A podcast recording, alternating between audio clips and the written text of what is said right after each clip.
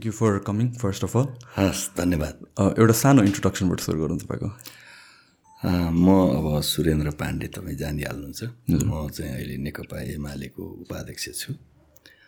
र म सांसद पनि छु चितवनबाट प्रत्यक्ष निर्वाचित चितवन क्षेत्र नम्बर एक हो। म छैसठीदेखि सतसट्ठीको बिचमा अर्थमन्त्री थिएँ। र त्यसको यो आर्थिक नीति लगायतका विषयहरूमा बहस छलफलमा निरन्तर संलग्न छु सरिक छु। र कहिलेकाहीँ लेख्छु पनि आफ्ना कुराहरू।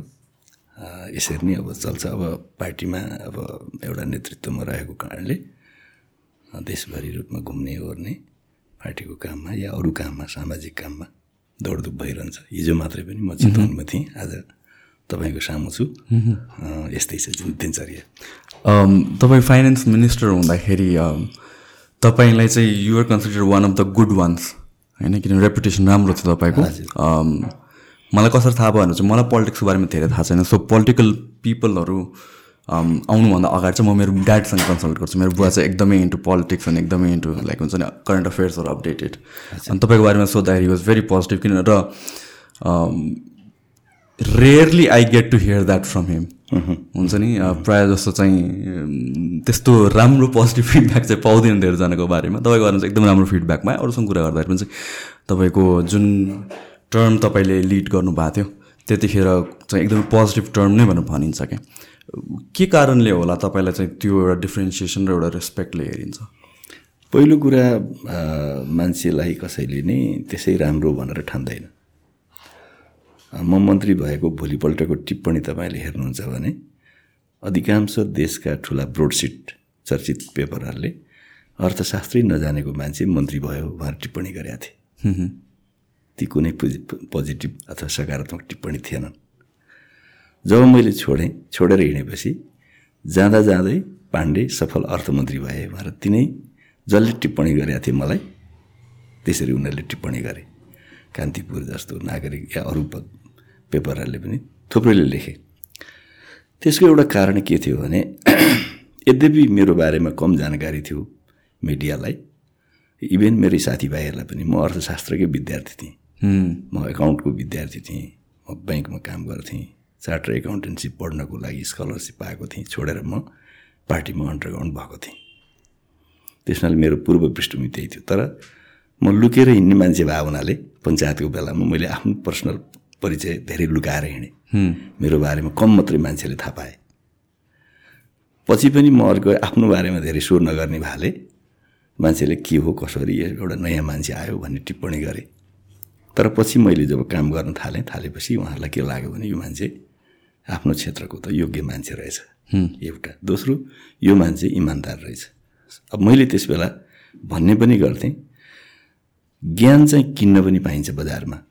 Like fast food cooked food जस्तो बजारमा रेडिमेड खाना पाएको जस्तो ज्ञान आफूसँग भएन भने केही बुद्धिजीवीसँग छलफल गऱ्यो केही अरू सरकारवालासँग छलफल गऱ्यो भने एउटा आइडिया आउँछ। तपाईँले त्यसलाई छान्न सक्नुपर्छ रोज्न सक्नुपर्छ निर्णय गर्न सक्नुपर्छ ज्ञान पाइन्छ। तर इमान्दारिता चाहिँ कहीँ पनि पाइँदैन। इमान्दारिता चाहिँ बजारमा किन्न पाइँदैन। त्यो आफैसँग हुनुपर्छ। यो दुइटै कुराले सायद मलाई म छोडेपछि यो मान्छे राम्रो रहेछ भन्ने एउटा इम्प्रेसन मुलुकले सबै क्षेत्रका मान्छेले गरे। त्यो आज पनि त्यो सम्मान मैले पाइरहेको छु सबभन्दा म त्यसैमा खुसी छु। सो छोड्नु भएपछि मात्र पोजिटिभ फिडब्याक आयो कि तपाईँको टर्ममा पनि? टर्ममै आयो। किन टर्ममा आयो भने तपाईँले त्यस बेला मैले केही नयाँ कुराहरू आफ्नै हिसाबले पनि सोच्न थालेँ। जब म सरकारमा गएँ किन किताब पढेर मात्रै सबै कुरो हुँदैन? तपाईँको जिन्दगी पढ्नुपर्छ। मेरो मेरो अनुभव चाहिँ के छ भने तपाईँ क्षमता भयो भने तपाईँले लेख्न सक्नुहुन्छ। सबैको लेख्ने क्षमता हुँदैन। लेखकहरूको पनि सब सोचेको जति सबै लेख्न सक्दैनन्। मेरो दिमागमा नि आएका कुरा सबै म लेख्न सक्दिनँ भ्याउँदिनँ टाइम छैन। त लेखेको मात्रै किताब हुँदैन नलेखेको जो मान्छेका अनुभव हुन्छन् त्यो पनि किताब त्यो चाहिँ विशाल समुद्र जस्तो विशाल सागर छ। त्यसमा लेखेको भन्दा नलेखेको किताब इज द बिगेस्ट लाइब्रेरी जुन चाहिँ हामीले स्टडी गर्नुपर्छ। आई कम्प्लिटली अग्री कुरामा चाहिँ। अब त्यसपछि मैले के गरेँ? इमिडिएट देशमा त्यस बेला सबभन्दा चर्को समस्या के थियो भने अठार घन्टा सोह्र घन्टा लोड सेडिङ थियो। कसरी सल्भ गर्ने? बन्द हडताल रेगुलर भइरहन्थ्यो। दसवटा भन्दा बढी पार्टीको सरकार थियो। त्यो आफैमा अनेकतिर मुख फर्काएर बसेका थिए। त्यस्तो सरकारमा बस्नुपर्ने। अनि मान्छेलाई सडकमा दुर्घटना गर्यो। गाडी हाँक्नेले कमजोरी गर्छ। अनि त्यो लासलाई बोकेर बाटो छेकेर अनि पैसा माग्ने दस लाख पन्ध्र लाख बिस लाख रुपियाँ। व्यक्तिले गरेको कमजोरीमा त व्यक्तिले पेनाल्टी तिर्नु पऱ्यो नि। कुनै पनि सब चाहिँ धनी भनेका विकसित भनेको देशमा व्यक्तिले गरेका कमजोरीमा राज्यले पैसा तिर्दैन नि। अनि यहाँ चाहिँ सधैँ क्याबिनेटमा के प्रस्ताव आउने भने त्यो परिवारलाई पाँच लाख दस लाख पन्ध्र लाख दिनु पऱ्यो भएर आउने। सामान्यतया दस लाख दिनु पऱ्यो भएर आउने। यो कस्तो किसिमको हो भनेपछि मैले पहिलो सरकारबाट के गरेँ भने यो थर्ड पार्टी इन्सुरेन्स ल्याएँ। तेस्रो पक्ष बिमा। त्यही बेलामा आएको यो। होइन त्यसपछि के हो? अनि यो लागु हुँदैन भन्दै थिएँ। मैले त्यो अर्थ मन्त्रालयकै मातहतको चाहिँ बिमा भन्ने इकाइ चाहिँ त्यसको भाले कुनै हालतमा यो लागु हुनुपर्छ भनेर मैले त्यसमा आफैले पनि निरन्तर उनीहरूको मिटिङ गरेँ। भदौ भदौ पन्ध्र गतेदेखि। असार मसान्तमा बजेट आयो भदौ पन्ध्रदेखि त्यो लागु भयो। अब अहिले तपाईँले हेर्नुभयो भने कहीँ पनि दुर्घटना भएपछि एकछिन कुनै ठाउँमा आवेशले मेरो मान्छे मारिदियो भनेर उत्तेजना हुनसक्छ तर पैसाको लागि झगडा गरेर बाटो बन्द गर्दैन। सो त्यो बेलादेखि चाहिँ थर्ड पार्टी इन्सुरेन्स कम्पलसरी भएको। कम्पलसरी त्यो छँदै थिएन। कम्पलसरी मात्रै होइन कि केही पनि थिएन पहिला। सो सुरुमा तपाईँले यो कम्पलसरी इन्ट्रोड्युस गराउने बेलामा ब्याकल्यास आएन? पुसब्याक आएन मान्छेहरूकोबाट? त्यस्तो पनि रहेन। मैले भने नि म आफ्ना कुराप्रति डिटरमाइन्ड थिएँ नसोचिकन मैले त्यो कुरा गरेका थिइनँ। म यो कार्यान्वयन गर्छु जसरी पनि भन्ने। मैले अर्थ मन्त्रालयका कर्मचारीहरू सचिवदेखि सबै इन्सुरेन्सका मान्छेहरूसँग कपाल अफ टाइम डिस्कसन गरेका थिएँ र यो इम्प्लिमेन्ट हुनुपर्छ भनेपछि त्यो इम्प्लिमेन्ट भयो समस्याहरू आएन। त्यस्तै अर्को मैले के देखेँ भने जग्गा जमिनहरूको बारेमा मेरो धारणा फरक भयो त्यहाँ जस्तो म एकचोटि बजेट बनाउने सिलसिलामा म हेटौँडा गएको थिएँ। हेटौँडा जाँदाखेरिमा युनिलिभरको मालिकले मलाई के भने भने म त बर्बाद भएँ नि हजुर भने। बजेटभन्दा अगाडि छलफल गर्ने चलन हुन्छ व्यवसायीहरूसँग। के भयो भन्दा यो बसामाडीमा गएर मैले एकदम एकान्तमा जग्गा लिएँ। हेटौँडा र यता ना मनहरीपट्टिको साइडमा चितवनपट्टिको साइडमा ढुङ्गै ढुङ्गा भएको बोल्डर भएको चाहिँ जमिन थियो। सस्तोमा लिएँ मैले। मजदुरलाई सात सयभन्दा बढी मेरो मजदुरी मजदुर छन् काम गर्छन्। त्यसपछि त्यहाँ चाहिँ पछि के भयो भने एउटा होटल रेस्टुरेन्ट केही पनि थिएन एकान्त ठाउँ थियो। एउटा मजदुरले बाहिर निक्लेर आफ्नो श्रीमतीलाई चाहिँ सडकको छेउमा स्टोभमा चाहिँ चिया पकाउन लगाएर लगाउनु थाल्यो। त्यसपछि अब एक कप मात्रै खायो भने सात सय मान्छेले एक कप खाँदा सात सय कप बिक्री भयो। ए यसले कमायो भनेपछि अनि अर्को मान्छेले चाउचाउ ल्याउनु थाल्यो। खाजा होटल सुरु गर्यो। अर्कोले भात होटल सुरु गर्यो। अर्कोले कपडा पसल सुरु गाउँ अब मलाई यहाँबाट चाहिँ प्रदूषण गऱ्यो निक्लेर जा भन्छन्। म कहाँ जाउँ यसो भयो भने नेपालमा उद्योग बन्छ कि बन्दैन हजुर भने उनले। म एकदम हो एकदम सही कुरा हो। हामी कति रहेछौँ भन्दा हामी राजनीतिक मान्छेहरू अरू नागरिकहरूमा पनि एउटा दिमागले सोचेर काम गर्ने भने उत्तेजनामा धेरै काम गर्छौँ हामी। इमोसन्स इमोसनमा धेरै। यसले प्रदूषण गर्यो। र मैले के देखेँ भने क्रान्तिको बेलामा त ती इमोसनहरू धेरै मतलब राख्छन्। तर क्रान्ति सकिएपछिको समयमा त उत्पादन बढेन भने त रोजगारी बढ्दैन नि त। रोजगारी बढेन भने उही भौतारे र विदेश हिँड्नु पऱ्यो भएको उद्योगलाई मास मासेर अनि विदेश जाने तरिका चाहिँ उचित हो र अहिलेको लागि त हामीलाई हजारजनाको मास भन्दा पनि एउटा चाहिँ उद्योगपति धेरै महत्त्वपूर्ण हुँदो रहेछ। किन उसले रोजगारी दिन्छ नि? सबैले त उद्योग खोल्न जान्दैन सिप पनि छैन पैसा पनि छैन। भने त्यो उद्योगपतिहरूको संरक्षण गर्ने काम पनि सरकारले गर्नु परेन र। त्यसपछि मैले के गरेँ भने कृषि गर्ने जमिनमा कृषि मात्रै गर्नुपर्छ उद्योग गर्ने ठाउँ उद्योग मात्रै गर्नुपर्छ अर्कोमा अर्को मात्रै गर्नुपर्छ भन्ने त्यो मैले त्यसपछि त्यसलाई लिएर बजेटमै मैले के गरेँ भने अबदेखि नेपालका जमिनहरू कृषि आवासीय औद्योगिक व्यावसायिक वन र सार्वजनिक हुनेछन् भनेर ल्याएर यसलाई कानुन बनाइनेछ भनेर भने। अब कानुन हामी सरकारबाट हट्यौँ पछि कानुन बनाउने कुरामा ढिलो हो तर अहिले चाहिँ त्यो कानुन पनि बनिसकेको छ। अझै त्यो राम्रोसँग इम्प्लिमेन्ट भए हुन सकेन। फेरि मैले के देखेँ भने एक्काइस सालमा भूमिसुधार लागु हुँदा जमिन भनेको खेती गर्न मात्रै लायक हुन्छ भन्ने धारणाबाट जमिनको वर्गीकरण गरेका थियो अवल दुहिम सिमचार। तर मैले के देखेँ भने होइन यो त गलत कुरा हो। जमिन चाहिँ धेरै प्रयोजनमा प्रयोग हुन्छ। एक्काइस सालमा भूमिसुधार लागु हुँदा नगरकोटमा त्यहाँ त खरबारी थियो पर्यटक पनि जाँदैन थिए। त्यसको चाहिँ त्यसलाई चार भनेर लेखाएको थियो। त्यसको युज छैन भनेर तलको बेसीको चाहिँ जो बागेश्वरी छ त्यो चाहिँ खेत थियो त्यसलाई चाहिँ अवल बनाएको थियो। त्यसको प्राइस पनि बढी हुन्थ्यो। तर अहिले पहिले पर्यटन क्षेत्र खुलेपछि माथि नगरकोटमा जग्गाको भाउ कहाँबाट कहाँ पुग्यो? बेसीको तलको तलै छ। तरुण तन्नेरी पर्यटन पर्यटक ती जान्छन्। भनेपछि जग्गा चाहिँ कुनै अवल दुयम सिमचार हुँदैन। जग्गाको युज भ्यालुको आधारमा प्रयोग गर्न जाने भने सबै अवल हुन्छ। त्यो कन्सेप्ट मैले मेरो दिमागमा आयो र मैले जग्गाको युज किन भन्दा सगरमाथा चाहिँ त्यहाँ त घर बन्दैन। खेती पनि हुँदैन। हामीले चार लेखेका छौँ। किनभने त्यो त भिर पहरा चाहिँ होइन सबै चाहिँ हिउँले ढाकेको छ। तर पर्यटन उद्योगको लागि त त्यो त अवल हो नि त। हो। हाम्रो खेत हेर्न आउँछ र। आउँदैन नि। त्यस कारणले सबै जमिन चाहिँ अवल रहेछ। त्यसैले हामीले हाम्रो दिमागलाई नयाँ ढङ्गले स्टडी गर्नु पऱ्यो नयाँ ढङ्गले हामीले सोझ्याउनु पऱ्यो भन्ने सोचेर मैले त्यो काम ल्याएँ। त्यस्तै अब बन्द हडताल भइरहेको थियो। मैले सामाजिक सुरक्षाको कुरा गरेँ। यो सामाजिक सुरक्षा वान पर्सेन्ट ट्याक्स काटेर जुन दिन जागिर जान्छ त्यो कोषबाट पैसा दिने जुन दिन फेरि उसले जागिर खान्छ त्यही कोषमा कट्टी गर्ने र बुढेसकालमा सबैलाई त्यो सामाजिक सुरक्षाबाट ग्यारेन्टी गऱ्यो भने मान्छे चाहिँ बन्द हडतालतिर लाग्दैन सेक्योर्ड जीवन हुन्छ भन्ने हिसाबले। यो हेल्थ इन्सुरेन्स मैले नै ल्याएको पाँच जिल्लाबाट पाइलट प्रोजेक्ट गरेर। किन त्यो पनि एउटा कारण छ म घटनासँग जोडिएँ सरकारमा म बस्दा शक्तिशाली हुनेवाला पहुँचवालाले चाहिँ पैसा माग्न आउने। बेला मौका अब प्रधानमन्त्रीसँग पनि मेरो चाहिँ कहिलेकाहीँ ऊ पर्थ्यो। अनि हामीले शक्तिशालीलाई दिने कि आम जनतालाई चाहिँ हेर्ने?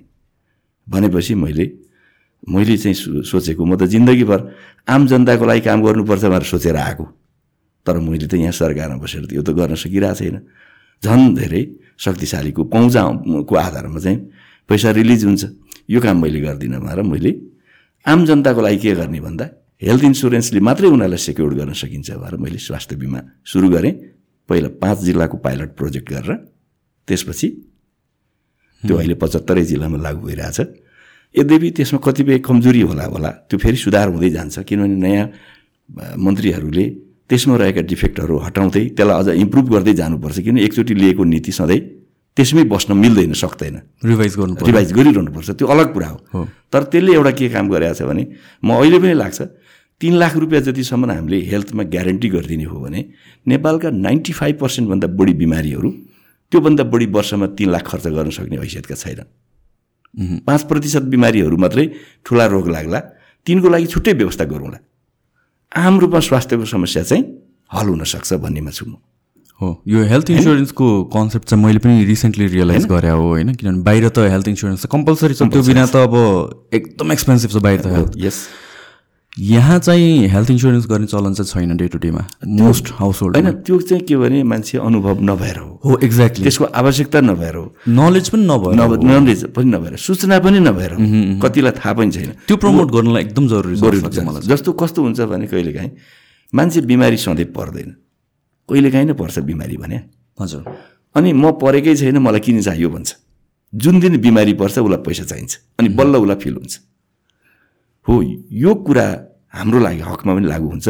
बिस्तारै मान्छेलाई थाहा हुँदै पनि जान्छ र यो बढ्दै पनि जान्छ। अहिले त नगरपालिकाहरू गाउँपालिकाहरूले फोर्स गरिरहेछन् बताइरहेछन्। अब यो प्रक्रिया चाहिँ तीव्र हुन्छ। किन हुन्छ भन्दा नजिकै सरकारले यसमा अलिकति पुस गरिदियो भने त मान्छेले सूचना धेरै पाउँछ नि। सिंहदरबारले गरेको भन्दा गाउँकैले गर्यो भने बढी चाहिँ के भनेदेखि त्यो उनले जानकारी पनि पाउँछन्। त्यसमा उत्प्रेरणा पनि हुन्छ सहयोग पनि हुन्छ। त्यो बिस्तारै गर्दै यसलाई बढाउँदै जानुपर्छ। कभरेज चाहिँ देशव्यापी बनाउनुपर्छ। जस्तै कोभिडको बेलामा चाहिँ हेल्थ इन्सुरेन्सको इम्पोर्टेन्स एकदमै थियो। पछि चाहिँ अलिकता आई थिङ्क इन्सुरेन्स कम्पनीहरूले पनि अलिकता मानेन कि के हो? अनि इन्सुरेन्स जहिले पनि हेर्नुहोस् नेपालमा मात्र होइन संसारभरि इन्सुरेन्स कम्पनीहरूले सेटलमेन्ट गर्ने कुरामा कमजोरी गरे देख्छु म। यो लडाइँ जहाँ पनि यो इम्प्लिमेन्ट नै गर्ने बेलामा पनि अलि के नम्बर अफ केसेस यस्तो हिसाबले बढिरहेको थियो त्यतिखेर? उनीहरू अलि हिचकिचाइरहेको हामी घाटामा पर्छौँ कि? घाटामा पर्छौ भनेर हो। तर त्यतिखेर चाहिँ जो जसले गरेँ मैले पनि गरेँ मेरो होल स्टाफहरूले गरेको थियो कम्पनीमा अनि त्यसपछि कतिजनाले चाहिँ पायो क्या रिटर्न जुन पैँतिस पैँतिस सय कति थियो? मिनिमम शुल्क थियो। त्यसमा त्यसको बेसिसमा कोभिड लगाएपछि पोजिटिभ भएपछि एक लाखको अराउन्ड आउने। अनि त्यसपछि त्यो पैँतिस सय तिर्दाखेरि त्यो के के फाइदा त भन्ने कुरा चाहिँ त्यसपछि रियलाइज हुने। जुन बेला चाहिँ त्यसको प्रिमियम आउँछ। अनि सो हेल्थ इन्सुरेन्स पनि आई थिङ्क त्यसपछि चाहिँ मेरो दिमागमा खुलेको थिङ इज लाइक ए यो चाहिँ इम्पोर्टेन्ट रहेछ नि त। हामीले त रियलाइज नगरे मात्र हो। सेम थिङ विथ घरमा पनि एक्सप्लेन गर्दाखेरि चाहिँ आई थिङ्क धेरैजनालाई चाहिँ यो एक्सपिरियन्स चाहिँ कोभिडको बेलामा भयो होला कि मैले यो चाहिँ त्यसबाट त्यसरी ल्याएँ है। अब अर्को मैले के गरेँ भने त्यस बेला म चाहिँ सानो बच्चामा म उन्तिस सालतिर काठमाडौँ आएको थिएँ। हजुर। तपाईँ ओरिजिनल चाहिँ कता म पहिला जन्मेको म गजुरी धादिङ। ओके होइन? ओके अहिले म चितवन बस्छु। अनि त्यस बेलादेखि म फोटो खिच्न लगाएर आएको थिएँ काठमाडौँ पहिलोचोटि। त्यहाँ चाहिँ फोटो स्टुडियो थिएन। हिँडेर आएको थिएँ म।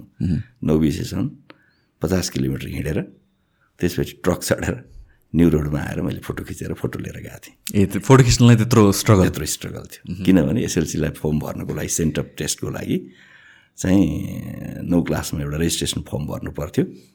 त्यो फर्म भर्नको लागि फोटो चाहिन्थ्यो।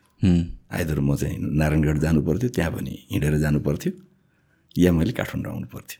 त्यसरी म आएको थिएँ। अनि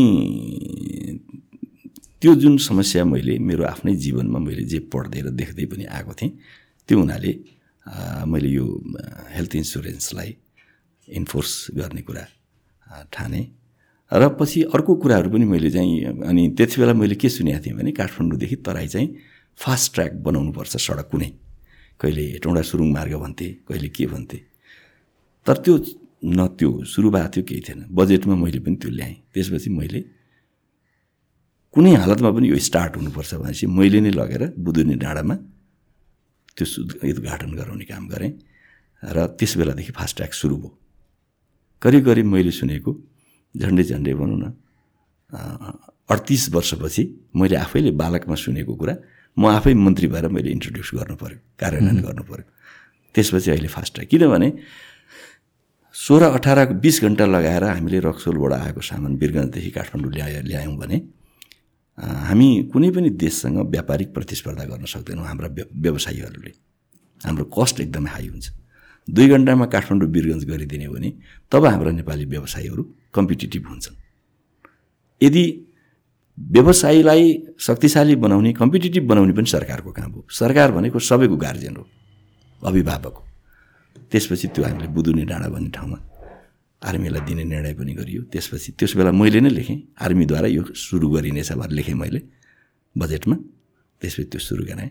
यस्ता केही परियोजनाहरू जस्तो माथिल्लो तामाकोसी विद्युतको एकदमै अभाव भएको अवस्था थियो। माथिल्लो तामाकोसी नेपाली पैसामा सुरु गर्छु भनेर मैले त्यो नेपाली पैसा पैसाको ग्यारेन्टी गरेर सुरु भयो। अहिले त अब जोडी पनि सक्यो चार सय छप्पन्न मेगावट। अब अहिले तत्काल अब हामीलाई यो लोड सेडिङको समस्या पनि बिस्तारै से- सल्भ भइसके अब बिस्तारै केही ठुला परियोजनाहरूमा हामी जाने। अहिले पनि हाम्रो सबभन्दा ठुलो समस्या चाहिँ भनेको खास गरी एग्रिकल्चर सेक्टरमा प्रोडक्सन बढाउने कुरामा हाम्रो कमी भइरहेको छ।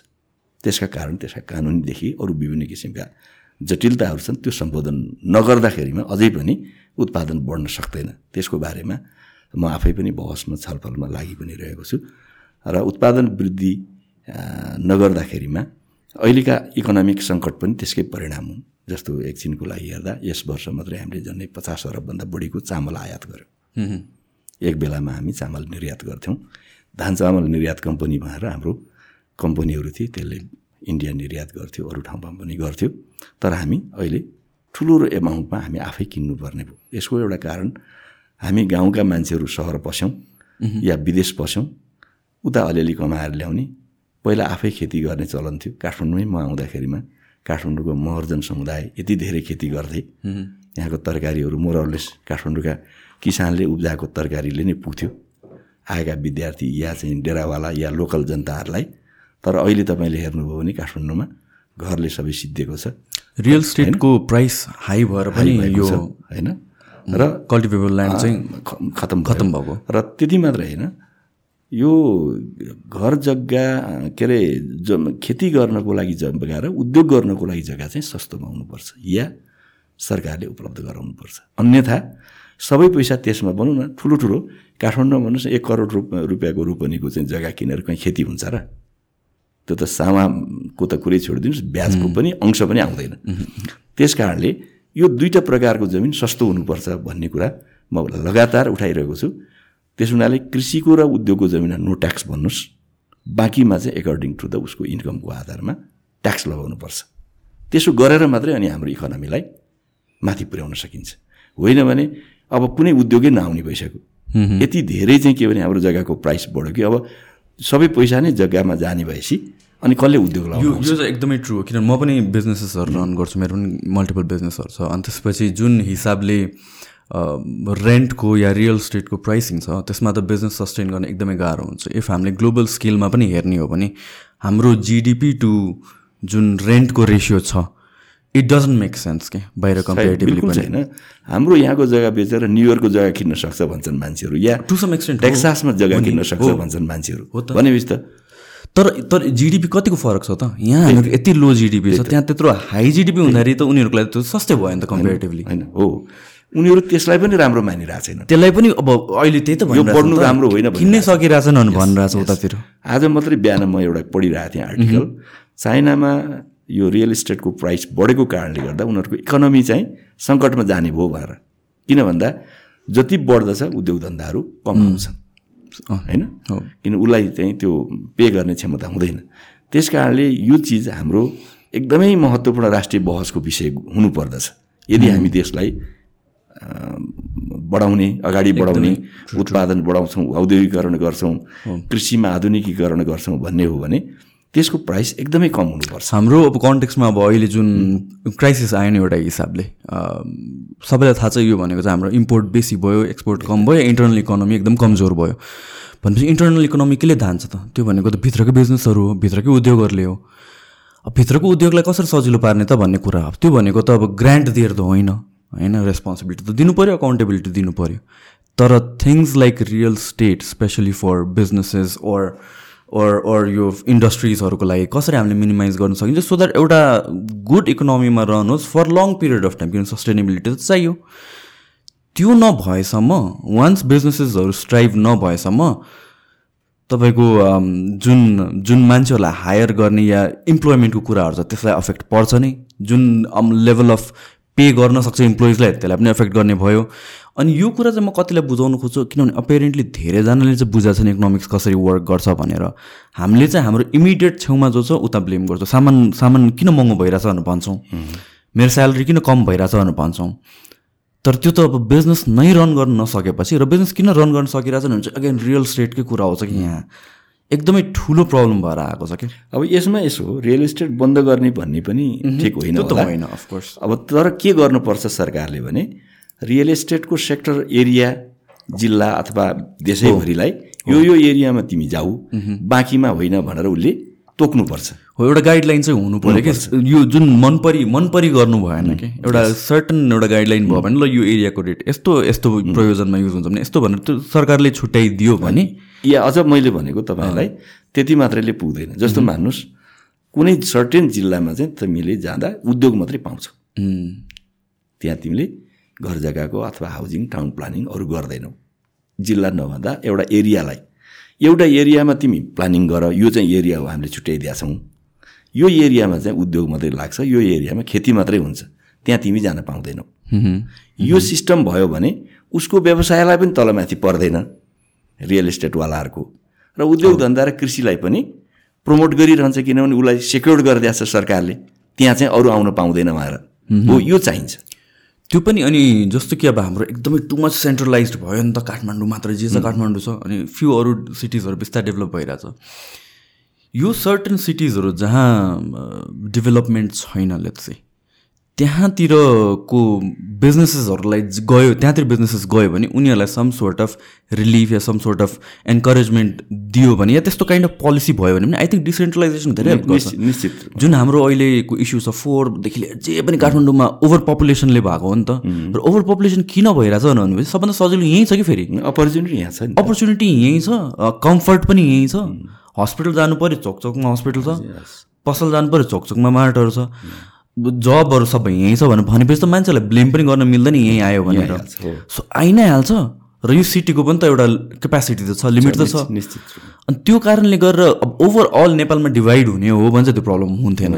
जस्ट द्याट क्यापिटल चाहिँ गरेको छ होइन जस्तो जुम्लामा तिमी जान्छौ भने कर्णाली भेगमा जान्छौ सर्टेन उद्योगमा भने हामी यति वर्ष ट्याक्स लिनु भनेको छ। रिसेन्टली भएको कुरा। अब तर जुम्लामा अहिले गइहाल्दैनन्। प्र्याक्टिकल्ली फेरि। किनभने बाटोको सुविधा छैन अरू छैन अरू छैन टेक्नोलोजीको कुरा छ त्यहाँ स्किल लेबरको कुरा छ। होइन लेबर गएर त्यहाँ बस्छ कि बस्दैन बाहिरको मान्छे ती समस्याहरू छन् त्यो धेरै पर चाहिँ के भने त्यस्तो इन्टेरियरमा होइन कमसेकम काठमाडौँभन्दा बाहिर धेरै टाढा पनि होइन।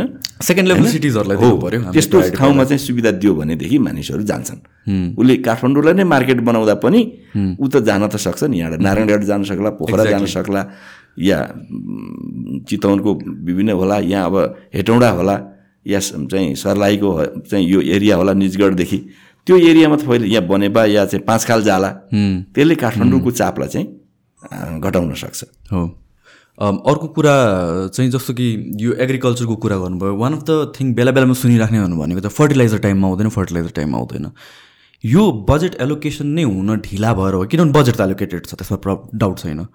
बजेट एलोकेसन ढिला भएको हो कि कि बिचमा म्यानेज गरिदिने मान्छेले ढिला गरिदियो के कारणले हुन्छ यो प्रब्लम यो मैले पनि त्यति धेरै भनौँ न म त्यसमा एकदमै दिक्क चाजित छु। पैसाको कमी होइन। होइन। यस वर्ष सत्ताइस अरब रुपियाँ अनुदानको लागि पैसा छुट्याएको छ। है पैसाको कमी भन्नुहुन्छ नि पन्ध्र अरब प्लस अरू चाहिँ सरकारले बाह्र अरब रुपियाँ तिमी खर्च गर भनेर अर्थ मन्त्रालयले चिठी दिइसकेको छ एस्योर गरिरहेको छ। तर यसको खरिद प्रक्रियादेखि अरू कुराहरूमा जुन किसिमको अलिअलि यसमा स्वार्थको कामले काम गरेको छ अलिअलि बिल बढाएर ल्याउने त्यसबाट लाभ लिन खोज्ने त्यो एटिच्युडले गर्दाखेरि जहाँ चाहिँ उनीहरूको त्यो कुरा सेटल हुँदैन इन्टरनल्ली त्यो बेलासम्म डिले गरिदिने केही चिज चाहिँ अब हाम्रो प्रक्रिया पनि झन्झटिलो छ। कुनै इस्यु पऱ्यो कसैले एउटा निवेदन परिदियो भने अख्तियारमा मुद्दा पर्ने मुद्दा चाहिँ डिले चाहिँ फाइनलाइज गर्न उनीहरू त्यो फाइल हेर्नलाई ढिलो गरिदिएपछि अनि स्वाभाविक रूपमा टाइम रन भइ भइसक्छ। त्यो कम्पनीले दिन्न अब मसँग स्टक छैन भनिदेला। यस्ता अनेक समस्याहरू छन्। यसमा स्मार्टली डिल गर्नुपर्ने खाँचो छ। यस वर्ष चाहिँ एउटा अर्को पनि समस्या आइलागेको छ। त्यो के हो भने यो चाहिँ इन्टरनेसनल्ली नै यसको भाउ बढेको छ। फर्टिलाइजरको। यो रुसको र युक्रेनको। वारको कारणले गर्दाखेरिमा किन सबभन्दा ठुलो एक्सपोर्टर मध्येको एउटा रसा हो। र यसको प्राइस चाहिँ तिनदेखि चार गुणा बढाएको छ। ए। इन्टरनेसनल्ली। इभन इन्डियामा हामीले ल्याउनु पऱ्यो भन्छौँ नि इन्डिया आफै पनि आत्मनिर्भर छैन। उसले पनि किनेर ल्याउनुपर्छ हाम्रो चाहिँ सानो आवश्यकता भएले अलिअलि दिए पनि हामीलाई चाहिँ पुग्छ। उसले दिन सक्ला तर उसले पनि आफूले आफूलाई चाहिने छैन। अहिले बिहारको चाहिँ हाहाकार छ मल नपाएर। अब नेपालमा पटक पटक चाहिँ यो मल कारखाना खोल्ने आदि इत्यादि भन्ने चर्चा चल्छ। मैले के देखेँ भने म पनि पहिला त्यही भन्थेँ। अर्थमन्त्री हुँदा पनि मैले मन्त्री हुनुभन्दा अगाडि। तर जब पछि म त त्यसको नजिकबाट स्टडी गरेँ यो कुरा सजिलो रहन्छ सम्भव रहन्छ। के कारण रहेछ भने नेचुरल ग्यास जहाँ चाहिँ ग्या ग्यासमा चाहिँ पहिला के थियो भने तपाईँ यसको ब्याकग्राउन्ड पनि म अलिक बताउँछु। पहिला पहिला मानिसहरूको ज्ञान कम हुँदाखेरिमा यो वनस्पतिहरूले कहाँबाट चाहिँ त्यसको चाहिँ न्युट्रियन्ट्सहरू पाउ प्राप्त गर्दछन्? त्यो हुर्किनको लागि चाहिने तत्त्वहरू कहाँबाट प्राप्त गर्दछन्? नाइट्रोजन अरू अरू भन्दाखेरिमा जमिनबाट लिन्छ भन्ने मान्छेको बुझाइ थियो। किन जमिनमा मात्रै रोपेर जमिनबाट हुर्किएको थियो? अठार सय छयानब्बेतिर चाहिँ ह्याबर र बोस भन्ने दुईजना साइन्टिस्टले के पत्ता लगायो भने यो जमिनमा होइन आकाशबाट पाइन्छ अथवा हावाबाट पाइन्छ। एमोनिया भन्ने चाहिँ हावामा हुन्छ। त्यो एमोनिया ग्यासबाट चाहिँ के भने युरिया बन्छ भन्ने उनीहरूले पत्ता लगाए। र पछि उनीहरूलाई नोबेल पुरस्कार पनि दियो।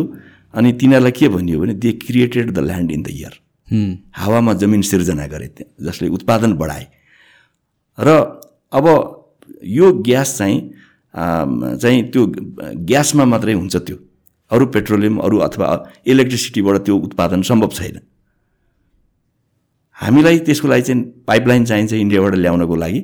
उसले जबसम्म पाइपलाइन हामीलाई दिँदैन त्यो बेलासम्म हामी नेपालमा यो कारखाना खोल्न सक्दैनौँ। आफ्नो हामीसँग ग्यास चाहिँ छैन। कि हामीले बङ्गलादेशबाट ल्याउनुपर्छ कि इन्डियाबाट ल्याउनुपर्छ? बङ्गलादेशले ल्याउँदा पनि बाटो दिनु पऱ्यो इन्डियाले।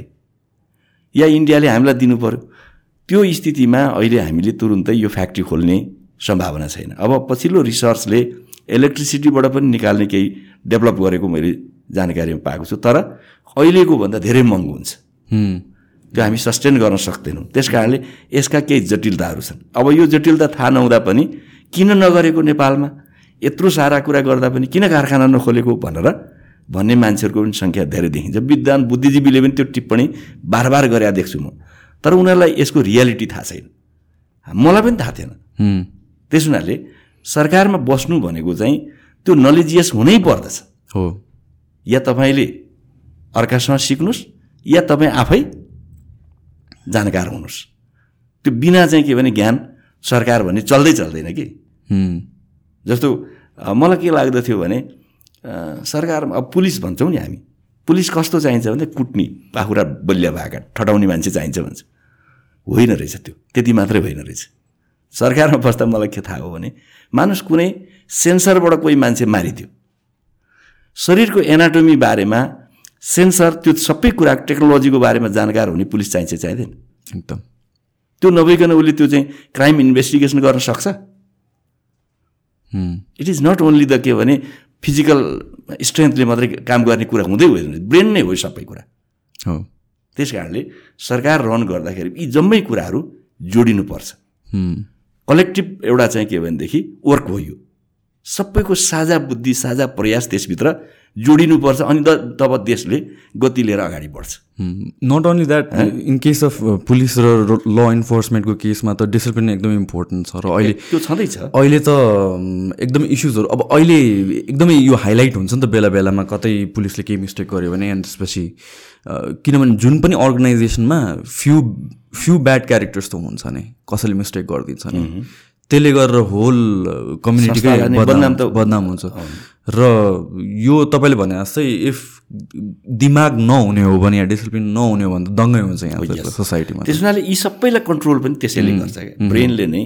यो बाटो चाहिँ हिँड्नुपर्छ भन्ने कुराको पहिला हुनु पऱ्यो नि त्यसको नेतृत्वभित्र। हो हाम्रो आवश्यकता यो रहेछ यो चिज छ भनेपछि त्यसमा लगानी गर्नु पऱ्यो। आखिर अल्टिमेट कुरा के रहेछ भने इन्भेस्टमेन्ट हो।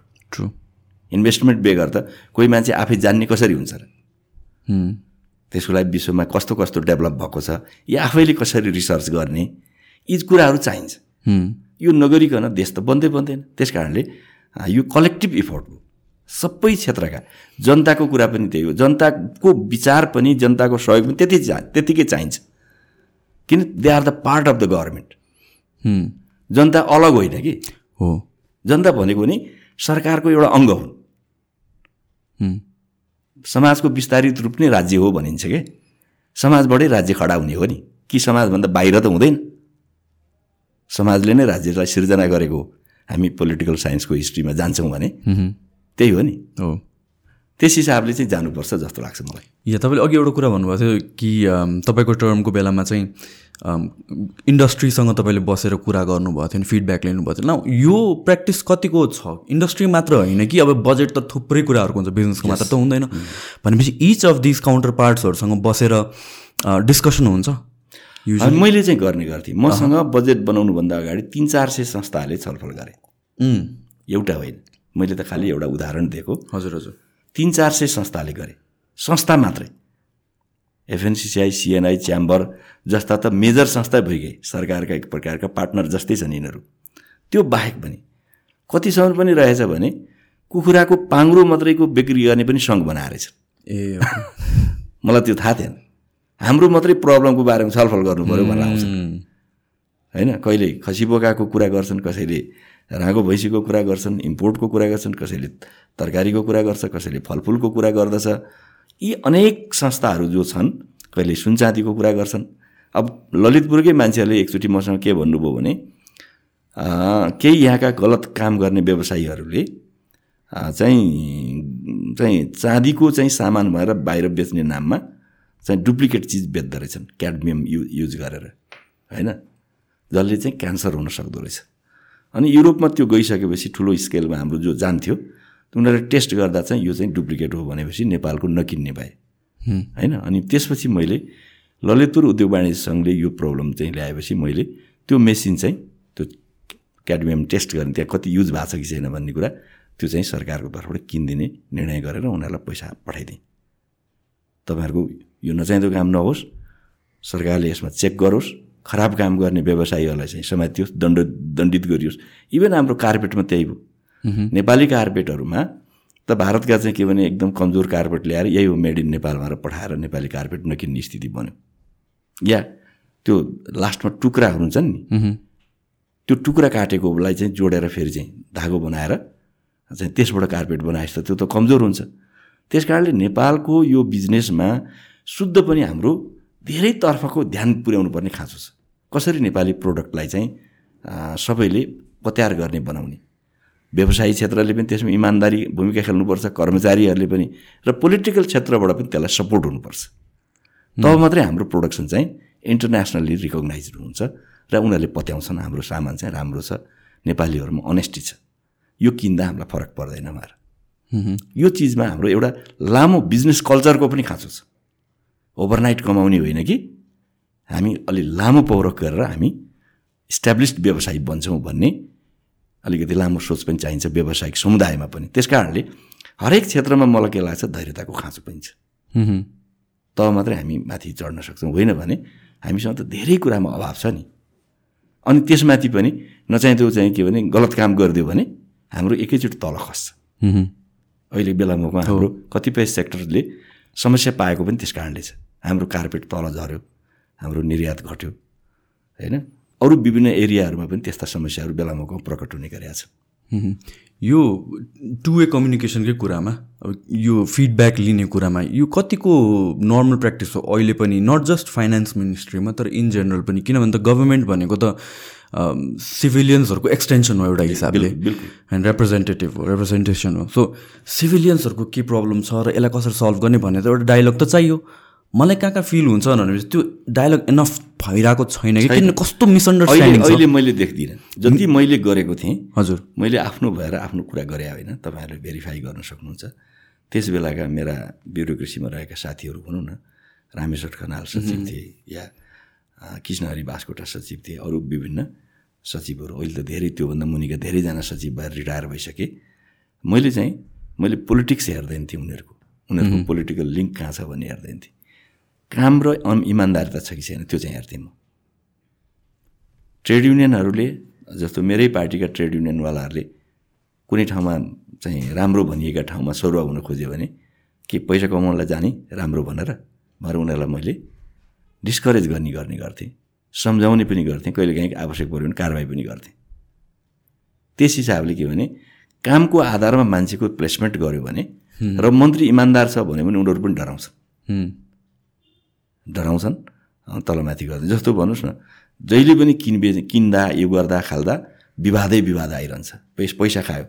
मेरो समयमा लामो समयदेखि त्यो रक्सी चुरोटमा चाहिँ लगाउने स्टिकर नछापिएर बसेको थियो। मान्छे डराइरहेको थियो। मैले अँ, त्यस बेला अँ, एकजना डिजी चाहिँ त्यहाँ जानुभयो। मैले भने कसरी छाप्ने के गर्ने? यो यति समयभित्र गरेन भने म कारवाही गर्छु। अरू म जान्दिनँ। कहिले छापे कसरी छापे कुन प्रेसमा छापे विदेशको मलाई जानकारी भएन। त्यो पछि स्टिकर आयो। खोइ कसैले प्रश्न पनि गरेन। किन यसमा मन्त्रीको संलग्न त छैन? उसले बरु नचाहिँदो गर्छ भने कारवाही गर्छु भने हुनाले न त्यसमा लेखा समितिले बोलायो। मलाई कहिले पनि लेखा समितिले बोलाएन तैँले नचाहिँदो काम गरिस् भनेर। त्यस कारणले व्यक्तिमा व्यक्तिको भूमिकामा धेरै नै महत्त्वपूर्ण हुन्छ। र उसले त्यो काम अनेस्टली गर्यो भने कहिलेकाहीँ अनेस्टली गर्दा पनि कमजोरी हुनसक्छ। हो। त्यो म मान्छु। किन भन्दा सबै कुरा उसले आफैले पढाइ हुँदैन। सबै कुरा किनभने सबै गर्न सम्भव पनि हुँदैन। जस्तो के हुन्छ भने मैले सबै खराब छन् कर्मचारी भन्ने एउटा एप्रोच छ नि। मेरो आफ्नै जीवनको कुरा गर्नुहुन्छ भने म अर्थमन्त्री हुँदा मैले त्यस्तो पाइनँ। एकजना मान्छेलाई सहसचिव भए हजुर। मैले चिने पनि थिइनँ। फलानालाई राखे हुन्छ भनेर मलाई त्यहाँ केही साथीहरूले भने उनलाई मैले सहसचिव बनाएर एयरपोर्ट भन्सारको चिफ बनाएँ। दुई घन्टापछि उनी आएर के भन्यो भने हजुरले मलाई यहाँ राख्न नखोजेर आफै भागेर जाओस् भनेर यो काम गरे हो पोस्टिङ गरे हो भने म अहिले छोडेर जान्छु। होइन भने यो भन्सारमा म बस्दिनँ। मेरो श्रीमती अहिले झुन्डेर मर्छ। म यहाँ बस्दिनँ।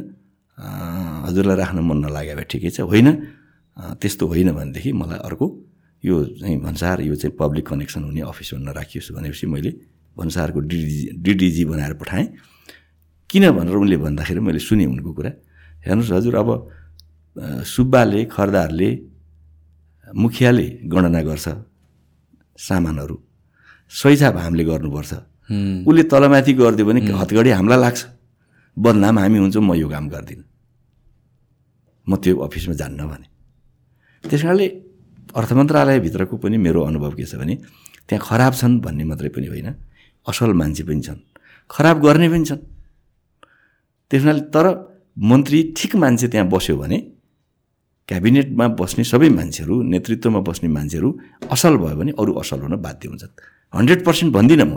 हन्ड्रेड पर्सेन्ट त्यतिमा पनि हुँदैन किनभने उसलाई थाहा नदिकन तल तल पैसा माग्ने खाने भइसक्यो भएको हुनसक्छ। तर डराउँछ ऊ। म माथि कारवाही हुनसक्छ भन्ने कुराले डराउँछ। खाने छन् भनेदेखि के भयो र खाने छ? मैले लगेर दिन्छु। मलाई केही हुँदैन भनेर ऊ झन् इन्करेज इन्करेज हुन्छ। त्यस कारणले यसलाई कटौती गर्न चाहिँ सकिन्छ। तर ऊ इमान्दार हुनु पऱ्यो ऊ भिजन पनि हुनु पऱ्यो इमान्दार मात्रै भएर उसँग आइडियाहरू हुनु पऱ्यो भिजन पनि हुनु पऱ्यो देश चाहिँ अगाडि जान सक्छ भन्ने लाग्छ मलाई। न प्रेसर भन्ने हुँदैन। किनभने चाहिँ अब म मल्टिपल साइडबाट प्रेसर आउनसक्छ होइन? अब हाम्रो उद्योगहरू नै होला या दिस एन्ड द्याट धेरै त्यो साइड त छँदैछ कि। तर आफ्नै पोलिटिकल पार्टीबाट पनि किनभने पोलिटिकली पार्टीबाट रिप्रेजेन्ट भएर गएको हो। भनेर भनेपछि त्यहाँतिर पनि एउटा लोयल्टी कहीँ कहीँ पर्नुपर्ने हुनसक्छ र कहाँ हाम्रो सिद्धान्त पनि नमिल्ने हुनसक्छ। त्यो प्रेसरलाई चाहिँ कसरी डिल गर्न सकिन्छ? होइन मैले चाहिँ त्यस्तो प्रेसर कतिपय बेला भनेको कुरालाई पनि मैले स्वीकार गरिनँ। धेरैजना त तर त्यो प्रेसरमा त स्ट्यान्ड गर्न सक्दैन नि। ठेक्नै सक्दैन तर मैले मानिनँ। जस्तो कर्मचारी फलानु मान्छेलाई त्यहाँ सारिदिनुहोस् यो सारिदिनुहोस् ऊ व्यक्तिको स्वयंको चाहिँ क्षमता छ कि छैन इमान्दारिता छ कि छैन भन्ने आधारमा मैले ट्रान्सफर गर्ने काम गर्थेँ। कसैले भनेर मात्रै होइन। होइन? भनेर गलत मान्छे रहेछ भने त मैले सिधै भनिदिन्थेँ यो मान्छेको इमेज राम्रो छैन म गर्दिनँ भन्थेँ म। या क्षमता छैन गर्दिनँ भन्थेँ म। त्यस कारणले केही प्रेसर हुन्छ तर सबै बेलामा उत्तिकै प्रेसर हुन्छ भन्ने पनि होइन। कतिपय चाहिँ जस्तो प्रधानमन्त्रीले चाहिँ अब त्यो बेला हाम्रो सरकारको स्थिति पनि त्यस्तै थियो। कति कन्ट्रोल छ भन्ने कुराको आधारमा हुन्छ। अब कहिलेकाहीँ बढी कन्ट्रोल गर चाहिँ भएको हुन्छ। तर सामान्यतया मन्त्री त आफू इन्डिपेन्डेन्टली काम गर्छ नि त। मन्त्रीले ऊ इमान्दार भयो भने प्रधानमन्त्रीले कुनै काम नगर भने गर भन्यो भने पनि उसले नगर्न सक्छ नि त। म यो काम गर्दिनँ भन्न सक्छ। त्यस कारणले मन्त्री धेरै नै जवाफदेही हुन्छ। धेरै नै जवाफदेही हुन्छ। उसले चाहिँ त्यसमा त्यसको विरुद्धमा चाहिँ म यो गर्दिनँ भन्यो भने उसलाई बलजफती त कसैले गराउन सक्दैन नि बरु म छोडेर हिँड्छु भन्ने भयो भने त त्यसपछि प्रधानमन्त्री पनि पछाडि हट्ने स्थिति बन्छ नि बन्दैन र। त्यो पनि हो। जस्तो कि यो बजेट बनाउने बेलामा बजेट बनाउने बेलामा फाइनेन्स मिनिस्टरकै हन्ड्रेड पर्सेन्ट कन्ट्रोल हुन्छ कि त्यसमा रेस्पोन्सिबिलिटी र कन्ट्रोल कि मल्टिपल सोर्सेसबाट हेल्प आउँछ लार्जली अर्थमन्त्रीकै हुन्छ। लास्टमा फाइनलाइज गर्ने फाइनेन्स उसै उसैले हो। ओके यसमा कस्तो हुन्छ भने खास गरी अरू कुरा त खुला कुरा छन्। खुला कुरा त सबैले सल्लाह दिन सक्छन्। जस्तो कृषिमा चाहिँ अनुदान बढाइदिनु पऱ्यो फलाना गर्नु पऱ्यो यो त कुनै गोप्य कुरा त भएन। त्यो खुलै कुरा त्यसमा विभिन्न सजेसन लिने कुरा पनि हुन्छ। सजेसन लिनु पनि पर्छ। होइन? समस्या यो विभिन्न मन्त्रालयसँग सम्बन्धित हुन्छ नि त यो काम तर अर्थ मन्त्रालयले बजेट बनाइदिइरहेको हुन्छ। अर्को मन्त्रालयको पनि त बनाउने त उही हो।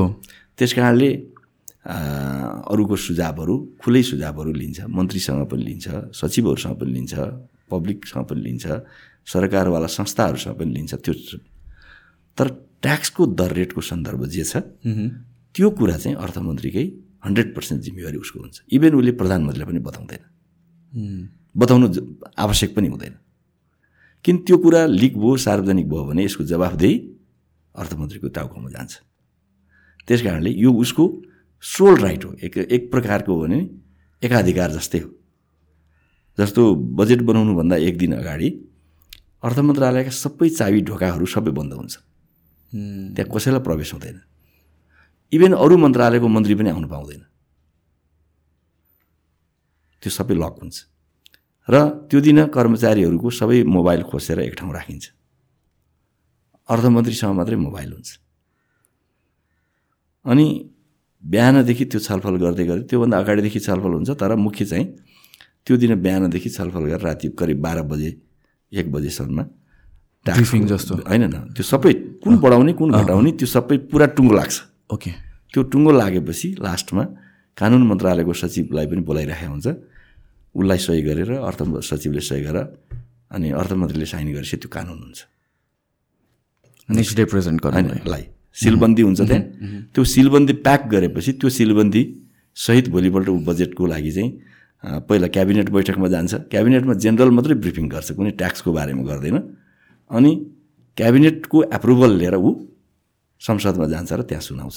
अनि त्यो दिनभरि चाहिँ त्यो बजेट आउने दिन सबै कार्यालयहरू बन्द हुन्छ ट्याक्स अफिसहरू। भन्सार अफिसहरू। जब मन्त्रीले यता चाहिँ पा चाहिँ पोडियममा उभिएर बोल्न थाल्छ म बजेट स्पिच अनि बल्ल त्यो खुल्छ र सिल खोलेर अनि नयाँ दर रेटमा चाहिँ ट्याक्स उठाउन थाल्छ। इमिडिएटली नै इमिडिएट त्योभन्दा अगाडि अघिल्लो दर रेटको चाहिँ कार्यान्वयन हुँदैन त्यो दिन।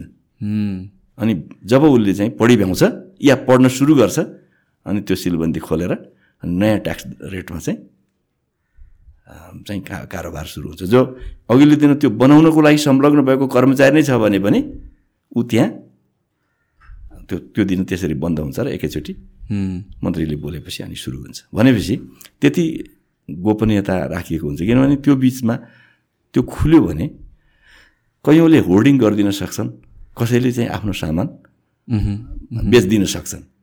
कोही थुपार्न सक्छन् कोही बेच्न सक्छन्। त्यस कारणले त्यो कुरा मेन्टेन गर्ने काम गरिएको हुन्छ।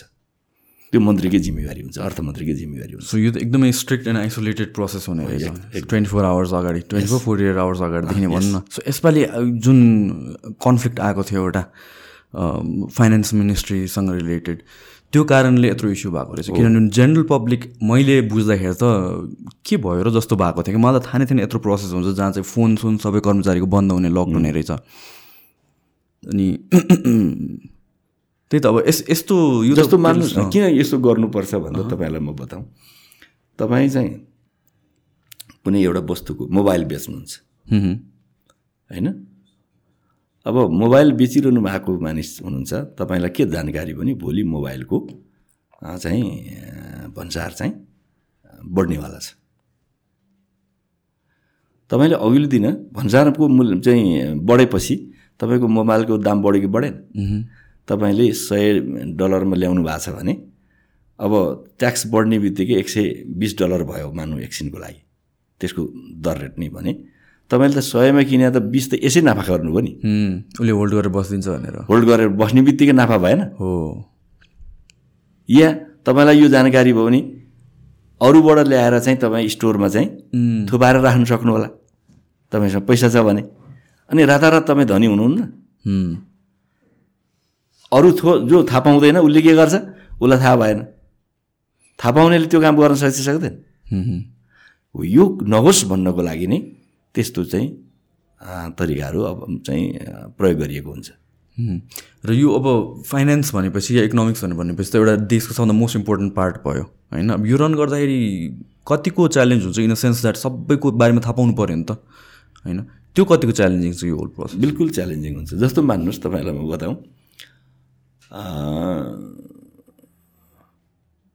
म सरकारमा हुँदा पटक पटक हडताल भइरहेको थियो। बन्द हडताल।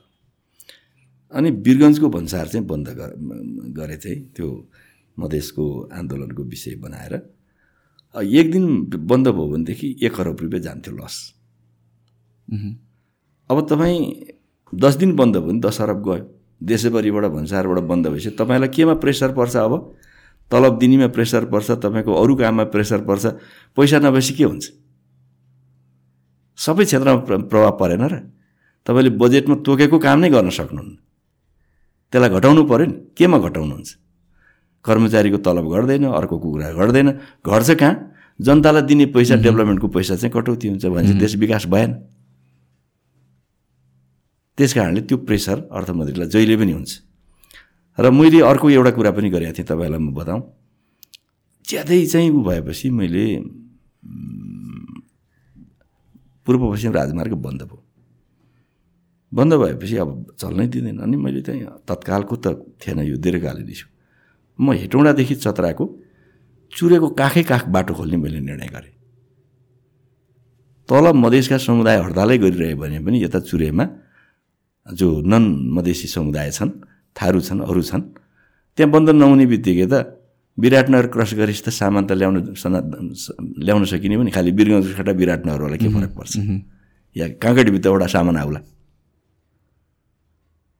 त्यस हुनाले डेभलपमेन्ट भनेको पनि कस्तो हुन्छ चिज हुन्छ भने इकोनोमीसँग त्यो सबै कुरा रिलेटेड हुन्छ। पोलिटिकल समस्याको समाधान पनि इकोनोमीले गर्छ भन्नेमा छु क्या म? राजनीतिक समस्याको समाधान इकोनोमीले गर्छ। र मैले मध्य पहाडी लोकमार्ग पनि किन बनाउन जोड गरेँ मैले त्यसै बेला मैले जोड गरेको त्यहाँबाट स्टार्ट भयो पैसा पनि राम्रै राखेँ मैले। सधैँ तलबबन्द हडताल छ एकातिर छ। पहाडीहरू आएर मधेसमा हाम्रो चाहिँ सारा कब्जा गरे भन्ने एक प्रकारको ऊ छ। मैले सोचेँ अब मध्य पहाडी लोकमार्ग बनाउँछु त्यहाँ चाहिँ दसवटा सहर बनाउँछु। जहाँ डाँडो आउँछु त्यहाँ छेडेर स्ट्रेट वे बनाउँछु। त्यसो भएपछि मधेस झर्ने मान्छे बन्द हुन्छन्। मधेसका शुद्ध पाहाड उका उकालो लाग्छन्। त्यहीँ राम्रो चाहिँ हावा पाइन्छ त्यहीँ चाहिँ हाइल्यान्ड क्रप्सहरू हुन्छ त्यहीँ चाहिँ हाइड्रो पावर छ। सबै सुविधा हुने हो भने को मान्छे तल झर्छ चाहिएको त मान्छेलाई आम्दानी हो नि। त्यो भयो भने हाम्रो अहिलेको जुन किसिमको चाहिँ यो माइग्रेसन र अरू कुराको कारणले उत्पन्न भएको राजनीतिक तनाव छ त्यो कुरा पनि समाधान हुन्छ नयाँ हिसाबले। त्यस हुनाले पोलिटिकल समस्याको सोल्युसन पनि इकोनोमीले गर्छ। त्यो हाम्रो भिजन हुनुपर्छ। यो जुन अब अहिले एकैचोटि हामीहरूको इम्पोर्ट बन्ददेखि लिएर एभ्रिथिङ डिसिजनहरू लियो यो कतिसम्मको सस्टेनेबल छ? राइट र रङ डिसिजन त भन्दिनँ किनभने चाहिएको थियो होला त्यो मोमेन्टमा एकैचोटि एज एन इमर्जेन्सी भनौँ न आउटलुक तर सस्टेनेबल हो र यो लङ रनमा होइन यस्तो हो मैले यसलाई कसरी हेरेको छु भने अहिलेको यसपालिको मङ्सिर कार्तिकदेखि नै यो नीति लिएको छ राष्ट्र ब्याङ्कले। त्यसको पछाडिको एउटा रिजनिङ छ। त्यो के थियो भने पोहोर साल असार सनमा चाहिँ जस्तो त्यति जतिखेर अब हाम्रो पार्टीका अध्यक्ष केपी ओली प्रधानमन्त्री हुनुहुन्थ्यो। त्योभन्दा अगाडिको स्थितिमा हामीसँग फरेन करेन्सीको रिजर्भ राम्रै थियो। तर त्यसको पछाडिको कारण विभिन्न थिए। त्यसमध्ये एउटा कारण के थियो भने कोभिडको कारणले धेरै बिजनेसहरू रन भइरहेको थिएन। अन्डर क्यापेसिटीमा रन भइरहेको थिए। उनीहरूलाई पैसा नै चाहिएको थिएन। जसको कारणले बाहिर पनि विदेशमा पनि के हो भने जसले हुन्डी कलेक्ट गरेर चाहिँ पैसा ल्याउँथे ती हुन्डी कलेक्ट गर्नेवालाको नि इन्टरनेसनल्ली नै त्यहाँ बिजनेस चाहिँ खतम भयो हुनाले त्यहाँ पनि मान्छेले चाहिँ के भने सिस्टमबाट चाहिँ पैसा पठाए। त्यो हुन्डीवालाले त्यहाँ जाँदै गएनन् पैसा कलेक्ट गर्न। त्यस हुनाले के भयो हाम्रो सिस्टममा धेरै पैसा आयो। त्यो थुप्रेर करिब करिब चौध अरब डलर अथवा चौध खरब नेपाली हाम्रो पैसा त्यहाँ जम्मा भयो। जब साउनदेखि यता त्यो सरकार पनि चेन्ज भयो बिस्तारै कोभिड अलिक तल झर्न थालेपछि यसरी चाहिँ के भनेदेखि इम्पोर्टमा पम्प हुन थाल्यो नि। सबै चाहिँ व्यवसायीहरूले चाहिँ पैसा माग्न थाले। गएको भदौमा मात्रै लास्ट इयरको भदौमा दुई खरब रुपियाँ लोन गयो हाम्रो एक महिनामा।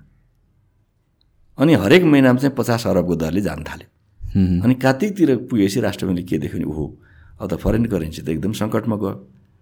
आउने भन्दा जाने एकदम तीव्र भएपछि अब त्यसलाई रोक्नुपर्छ भनेर एलसीमा शुद्ध केही सेक्टरमा चाहिँ हन्ड्रेड पर्सेन्ट चाहिँ क्यास डिपोजिट गर्नुपर्ने। केहीलाई त लिनै ल्याउनै नदिने डिस्करेज गर्यो। अब त्यसले के हो भने त्यो एकदमै तीव्र रूपले छिटो छिटो फरेन करेन्सी घट्ने क्राम चाहिँ त्यसले रोक्यो। तर यसको अर्कै डिफेक्ट के छ भन्दा त्यसले ब्याज दर बढाएर लिएर गयो। ब्याङ्कले पैसा दिन सकेन लिक्विडिटी भएन।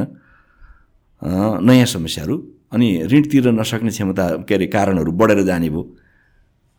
ब्याङ्कले पैसा फन्डिङ गर्न नसक्दा र आर्जन नहुँदा त ब्याङ्कको लिन ऋण पनि तिर्न नसक्ने भयो अब ऋण तिर्न सकेन भने के हुन्छ? अर्को ढङ्गले ब्याङ्कलाई क्राइसिस सिर्जना हुन्छ। यसपटक चाहिँ चाहिँ मोनेटरी पोलिसीमा के गर्यो भने दुई धारे नीति भन्छु म यसलाई भनेको डबल एज पोलिसी के गरे भन्दा पैसा दिएर इन्जेक्ट गरेर लिक्विडिटी फ्लो गरेर समस्या हल गर्ने सम अवस्थामा सरकार छैन। त्यसो हुने बित्तिकै फेरि आयात बढ्छ। फरेन करेन्सी रहँदैन उसले के गर्यो भने ब्याज दर बढाउने नीति लियो। सर्टेन एरियामा चाहिँ लोन दिन्छु भने बाँकीलाई डिस्करेज गरिदियो र ब्याज बढाइदियो। ब्याज पन्ध्र प्रतिशत भयो भने त कसले ऋण लिन जान्छ? कोही पनि जाँदैन नि। किन त्यो पन्ध्र पर्सेन्टको ब्याज तिर्नलाई त पच्चिस पर्सेन्ट प्रफिट हुनु पऱ्यो उसको पनि त उसको लेबर कस्ट चाहिन्छ उसले घर भाडा तिर्नु पर्ला या इलेक्ट्रिसिटी भाडा तिर्नु पर्ला अरू अरू सबै छ नि। त्यसले पच्चिस पर्सेन्ट प्रफिट अनि उसको प्रफिट पनि बच्नु पऱ्यो मार्जिन पच्चिस पर्सेन्ट प्रफिट त फेरि विदेशी वस्तुसँग हो कम्पिटिसन त्यसै आफूले मात्रै जति प्राइस राखेर पनि हुँदैन। विदेशी वस् वस्तुसँग उसको कम्पिटिसन कम्पिटेटिभ भाउ हुनु पऱ्यो जति मन लाग्यो भाउ राख्छु भन्न नि त सक्दैन। त्यस्तो स्थितिमा अब मान्छे चाहिँ अहिले प्रफिट हुँदैन भनेपछि पैसै नलिने नीतिमा जाने स्थिति बन्यो। अहिलेको राष्ट्र ब्याङ्कको पोलिसीले त्यो बनेको छ। यो चाहिँ लामो समय रह्यो भने चाहिँ यो डा एकदमै डिजास्टर्स हुन्छ। अर्को क्राइसिस क्राइसिसमा आउँछ। अब दुई तिन महिनामा सल्भ भयो भने त्यसले ठुलो कुरा नहोला। तर छ सात महिनाभन्दा बढी गयो भने यसले अर्कोतिर के हान्छ भने यसले रोजगारी सिर्जना पनि हुँदैन हाम्रो आर्थिक वृद्धि पनि हुँदैन ग्रोथ पनि हुँदैन इम्प्लोइमेन्ट पनि मैले मैले सोचेर पनि त्यही हो जस्तो कि इम्पोर्ट डिपेन्डेन्ट कम्पनीहरूले कसरी अब इम्प्लोइलाई तान्न सक्छ त लङ टाइमसम्म भन्ने कुरा हुन्छ। सम्भवै छैन। त्यस कारणले त्यो क्राइसिस नआओस् भनेर छिटोभन्दा छिटो। अब यसले एउटा फाइदा एउटा पोजिटिभ कुरा होला के भने बढी ब्याज दर दियो भनेदेखि मान्छेको घरमा भएको पैसा ब्याजको आशामा चाहिँ डिपोजिट गरे भने ब्याङ्कसँग बिस्तारै पैसाको पैसा थुप्रिँदै गयो भने फेरि ब्याज दर घट्छ अटोमेटिकल्ली त्यो पनि हो तर मान्छेको मेन्टालिटीमा के पनि भइरहेछ भनेपछि ए अब त यो क्राइसिस आउनु लाग्छ मेरो पैसा पनि डुब्ने हो। कि भन्ने डरले मान्छेले क्यास होल्ड गर्न थाल्यो भने त्यो सम्भावना नि छ तर त्यस्तो पनि मैले धेरै चाहिँ देखाएको छैन। किन भन्दा मैले यसो हेर्दा हाम्रो चाहिँ क्यास इन सर्कुलेसन भन्छ क्या नगद प्रवाह चाहिँ कति छ त बजारमा भन्दा? जति नोट राष्ट्र ब्याङ्कले चाहिँ जारी गर्छ सबै अब बजारमा कति छ अहिले बजारमा बाँकी भएको राष्ट्र ब्याङ्कसँग थुप्रेको भन्दा बाहेक कार्तिक मङ्सिरतिर सात सय करिब अठाइस अरब थियो। अहिले त्यो छ सय चालिसको आसपासमा छ। भनेपछि त्यसभन्दा यता सत्तरी असी अरब चाहिँ फर्केर ब्याङ्कमा आएको देखिन्छ। धेरै बाहिर थुप्रिएको छ भन्ने जो हल्ला छ नि त्यो पनि सत्य छैन। किन यस्तो भइरहेछ? यो चाहिँ बडो अचम्म लागिरहेछ मलाई पनि। बढेर बाहिर थुप्रिँदै जो चाहिँ सात सय अट्ठाइसबाट आठ सय नौ सय हुँदै गएको भए यताको पैसा बाहिर गयो बजारमा फर्केर बजारबाट फर्केर आएन ब्याङ्कमा भन्न सकिन्थ्यो। बाहिर गएको पैसा पनि फर्केर ब्याङ्कमा आएको छ सत्तरी अस्सी अरब यो बिचमा। तर पैसाको समस्या हल भएको छैन। अब अहिले भर्खरै एउटा चाहिँ आयो यो अस्ति असार मसान्तमा नब्बे अरब झन्डै एक खरब चाहिँ ब्याङ्किङ सिस्टमबाट एक एक खरब पैसा गयो भन्ने छ। Total total money in circulation कति छ? त्यही अहिले छ सय चालिस अरब छ। ओके मान्नुहोस् दुई चार छ सय पचास होला छ यही यही रेन्जमा छ। ओके सो यो चुनावको कारणले पनि हुनसक्छ कि क्यास होल्ड होइन बरु चुनाव भयो भने चाहिँ के हुनसक्छ भने पैसा बाहिर बजारमा आउन सक्छ अब एउटा मैले आशा के गरेको छु भने चुनावमा यदि व्यक्तिले उम्मेदवारले पार्टीले खर्च गरे पैसा फ्लोर भए चाहिँ त्यहाँ आयो भने जो खर्च हुन्छ त्यो बजारमा छोरियो भने त्यो पैसा कहाँ जान्छ? ब्याङ्कमा जान्छ नि। ब्याङ्कमा फेरि फर्केर आउँछ। फर्केर आउँछ। त्यो कति हुने हो थाहा छैन हेर्नुपर्छ। सो हामी चुनावसम्म कुर्नु पर्छ कति खर्च हुन्छ त्यसले देखाउँछ। सो अहिलेको करेन्ट सिनेरियोमा लाइक फाइनेन्सियली हेर्ने हो भने चाहिँ के गर्न सकिन्छ के के ठाउँमा इम्प्रुभ गर्न सकिन्छ? लङ रनमा के? किनभने हामीहरू चाहिँ we are trying to be a self sustained economy होइन? हाम्रो अब हामीले गर्ने चाहिँ के हो भने हाम्रो दुई तिनवटा एरियामा हो मेरो ख्यालमा। ओके एउटा हाम्रो सस्टेनेबल भनेको हाम्रो बिजुली नै हो। हामीले हाइड्रो पावरको हाम्रो क्षमता भाले हामीसँग पानी हाम्रो कच्चा पदार्थ छ। यो कच्चा पदार्थ हामीसँग भएको हुनाले यसमा उत्पादन वृद्धि भयो भने हामी बेच्न सक्छौँ। बेच्ने भनेको इन्डिया हो। अब इन्डियासँग फेरि बेच्ने भनेर सजिलो छैन। इन्डियाले यसलाई के भनेको छ भने यो हाइड्रो पावर चाहिँ is a strategic product. Normal product मान्दैन। स्ट्राटेजी भनेको चाहिँ पोलिटिकल इस्यु भयो। नेपालबाट अहिले जस्तो भर्खरै इन्डियाले नेपालले बनाएको किन्छु या इन्डियाले बनाएको चाहिँ किन्छु अरू देशले बनाएको किन्दिनँ भन भनेर नीति बनायो। त्यसो हुने बित्तिकै त अरूको सपोर्टमा बनेको कुरा म किन्दिनँ भनिदियो भने हामी के गर्ने? हामीलाई त्यो सँग छ। तर इन्डियासँग हामीले यस्ता इस्युजहरूमा छलफल गरेर यसलाई सल्भ गर्नुपर्छ र हाम्रो बिक्री बढाउनुपर्छ। त्यो बिक्री बढ्दाखेरिमा हाम्रो एउटा भरपर्दो प्राकृतिक स्रोतमा आधारित साधन भनेको चाहिँ विद्युत हो। त्यो विद्युत बेचेर हाम्रो आम्दानी हुनसक्छ। र विद्युत नबेच्दा पनि हाम्रो डोमेस्टिक प्रोडक्सनमा त्यो प्रयोग हुन्छ। जस्तो अब हामीले घरेलु ग्या घर घरमा जो कुकिङ ग्यास हुन्छ त्यसलाई मात्रै धेरै हदसम्म चाहिँ रिप्लेस गरेर हामीले हिटरमा जान सक्यौँ भने हाम्रो इम्पोर्ट कटौती हुन्छ।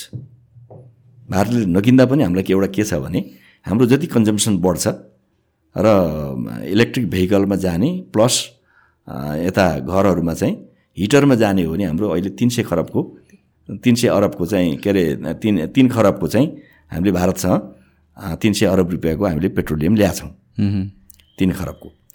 त्यसमध्ये हामीले आधा घटौती कटौती गर्न सक्यौँ अझ बढी गर्न सक्यौँ भने त हाम्रो व्यापार घाटालाई त्यसले निसन्देह चाहिँ कटौती गर्नेछ। एउटा चिज यो हो।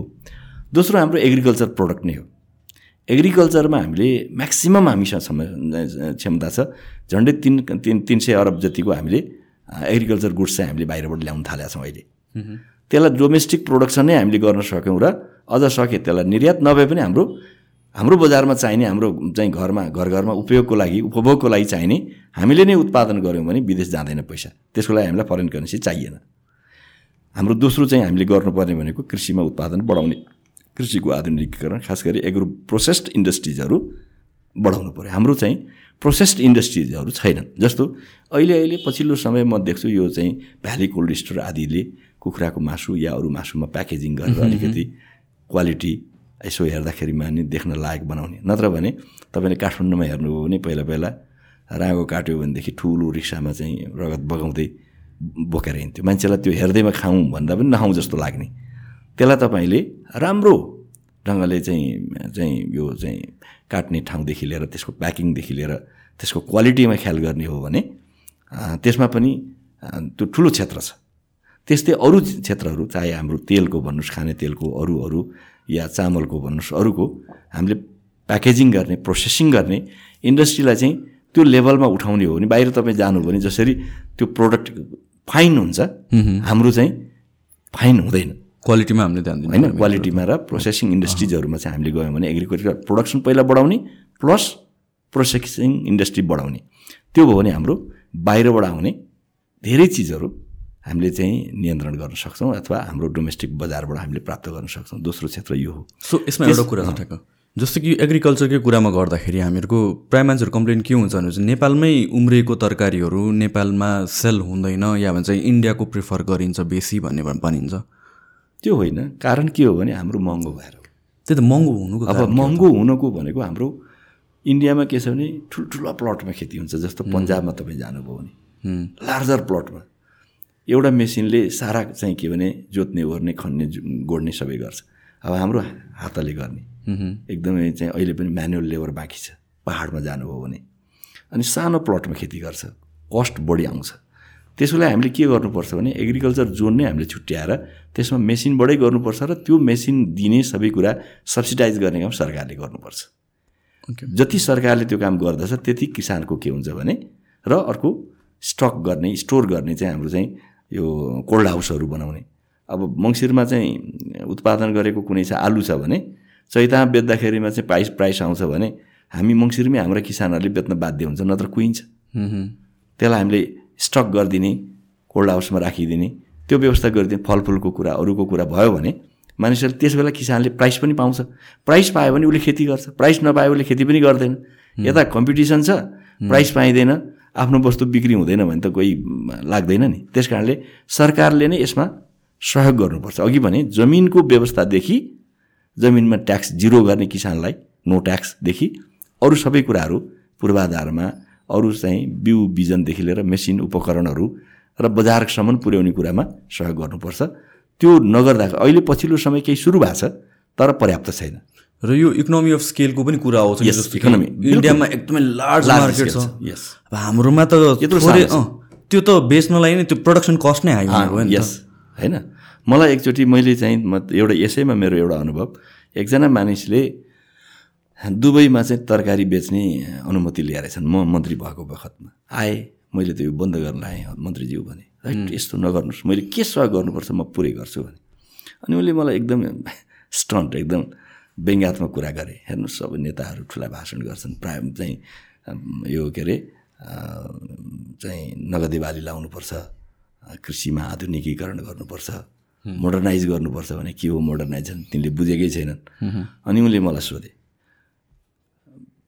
ट्रकमा लिएर जाने हो र हजुर मन्त्रीज्यू तरकारी यहाँबाट चाहिँ दुबई बेच्न होइन भने भने प्लेनमा। एउटा प्लेनभरिको चाहिँ तरकारी बेच्ने तरकारी किन्ने ठाउँ कुन बजार छ मलाई भनिदिनुहोस् त भने मैले सबैभन्दा ठुलो बजार भनेको कालीमाटी। तरकारी बजार होइन त? हो। त्यो तरकारी बजारको सबै उठायो भने एक चौथाइ मात्रै जहाज भरिन्छ अरे।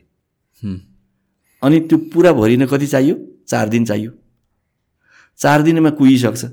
अनि कुहिएको तरकारी लिएर गएर त्यहाँ गयो भने यसै पनि त्यसपछि प्राइस पाउने कुरै भएन। अनि कहाँ छ त हजुर त्यो एक ट्रक एक एक जहाज एकैचोटि उठाउने तरकारी बजार कहाँ छ भनिदिनुहोस् त भने अब हाम्रो चाहिँ पोलिटिसियनहरू गफ छुट्या छुट्टै छन् होइन? पुरा चाहिँ यो कमर्सियल फार्मिङ गर्नुपर्छ यहाँ गर्नुपर्छ उहाँ गर्नुपर्छ। तर यसको त धेरै लिङ्केज रहेछ नि त। कहीँबाट स्टक उठाउनको लागि पनि एउटा प्रोडक्सन त्यसरी नै हुनु पऱ्यो। अर्को त्यसको चाहिँ थुपारिएको ठाउँ चाहिँ स्टोरिङ ठाउँ चाहिँ जहाँबाट बल्कमा सामान उठाउन कहीँ छ त? कहीँ पनि छैन। डोकामा बोकेर ल्याएको चाहिँ तरकारी छ काउली छ। एउटाको फेरि राम्रो छ अर्काको हेर्नै मन नलागिन्छ। मिक्स गर्नु न क्वालिटी छ हो। न क्वान्टिटी छ। हो। त्यस कारणले हामी पछाडि परिरहेका छौँ। यो यो चिजको सबै अन्तर्ज्ञान नभइकन इकोनोमी अफ स्केल कसरी क्रिएट हुन्छ र? हुँदै हुँदैन नि। हामीले इन्डियाको प्रडक्टलाई केही स्पेसल दिएको छौँ प्राइस या डिस्काउन्ट या केही छैन छैन। पहिला बरु हामीले चाहिँ पाँच पर्सेन्ट कृषि सेवा शुल्क भन्ने लगाएर नेपाली कृषकलाई अलिकति सब्सिडाइज गरेका थियौँ हामीले। उसको लागि पाँच पर्सेन्ट एड गर्ने ट्याक्स लाएर। अब अहिले पछिल्लो समय यो नेपाल भारतको चाहिँ जो हाम्रो ट्रिटी छ त्यो ट्रिटीमा चाहिँ हामी क्रमशः कृषि सेवामा कृषि शुल्कहरू नलगाउने भन्ने भएले त्यो पनि सायद अहिले घटाएको छ। तर हामीले केही प्रविधिबाट के गर्नु जरुरी छ भने नेपाली वस्तुलाई प्रोटेक्सन गर्नको लागि बाहिरका वस्तुहरूमा केही ट्याक्स एड गरिदिने र नेपाली वस्तुलाई प्रोटेक्सन नगर्ने भने हामी टिक्न सक्दैनौँ। त्यही कि सो सर्टमा भन्नु पर्दाखेरि चाहिँ बाहिरको प्रडक्ट होस् हाम्रो प्रडक्ट होस् इक्वल लेभलमा चाहिँ इट्स जस्ट द्याट हाम्रो कस्ट अफ प्रोडक्सन हाई भएकोले हाम्रो प्रडक्टको प्राइस हाई हुन्छ र जेनरल पब्लिकले चुज गर्ने भनेको जे सस्तो छ त्यो हो। त्यो अब हामी जति कम्प्लेन गरे पनि कि हामीले हाम्रो कृषिलाई छौँ यताउता at the end of the day as a consumer त हामीले त प्राइस हेर्छौँ। त्यही त राष्ट्रवादको कुरा त राष्ट्र हाम्रो भने पनि किन्दा त उसले प्राइस हेर्छ। प्राइस र क्वालिटी अब बेटर सस्तोमा झन् बेटर क्वालिटी आएपछि उसले त्यही त्यही चाहिँ मैले किन कोट्याएर सोधिरहेको भने मेरो बुवासँग यो एकदम डिबेट हुन्छ कि यसको बारेमा। अनि म जहिले पनि यही भन्छु हेर्नुहोस् इकोनोमी अफ स्केल हो यसको इकोनोमी अफ स्केल बिल्कुल। बुवा चाहिँ होइन यहाँ के अरे नेपालमा नेपालीहरूलाई चाहिँ ग्रो गर्न दिँदैन यताउति भनेर भन्नुहुन्छ। होइन। अब यो चाहिँ अब बुवाले अब होपफुली कन्भिन्स हुनुहुन्छ ल यो कुरामा चाहिँ। सो अरू के फिल्डहरू छ यो बाहेक? एग्रिकल्चर होइन अब एग्रिकल्चरमा अहिले प्रयोग हुनुपर्ने भने टेक्नोलोजी हो। होइन? टेक्नोलोजी पनि अहिले कस्तो भइसक्यो भने मैले अघि नै बाहिर गए तपाईँसँग यो छलफल सुरु गर्नुभन्दा अगाडि आर्टिफिसियल इन्टेलिजेन्सको कुरा गरेका थिएँ। डेटाको कुरा। डेटाको कुरा गरेका थिएँ।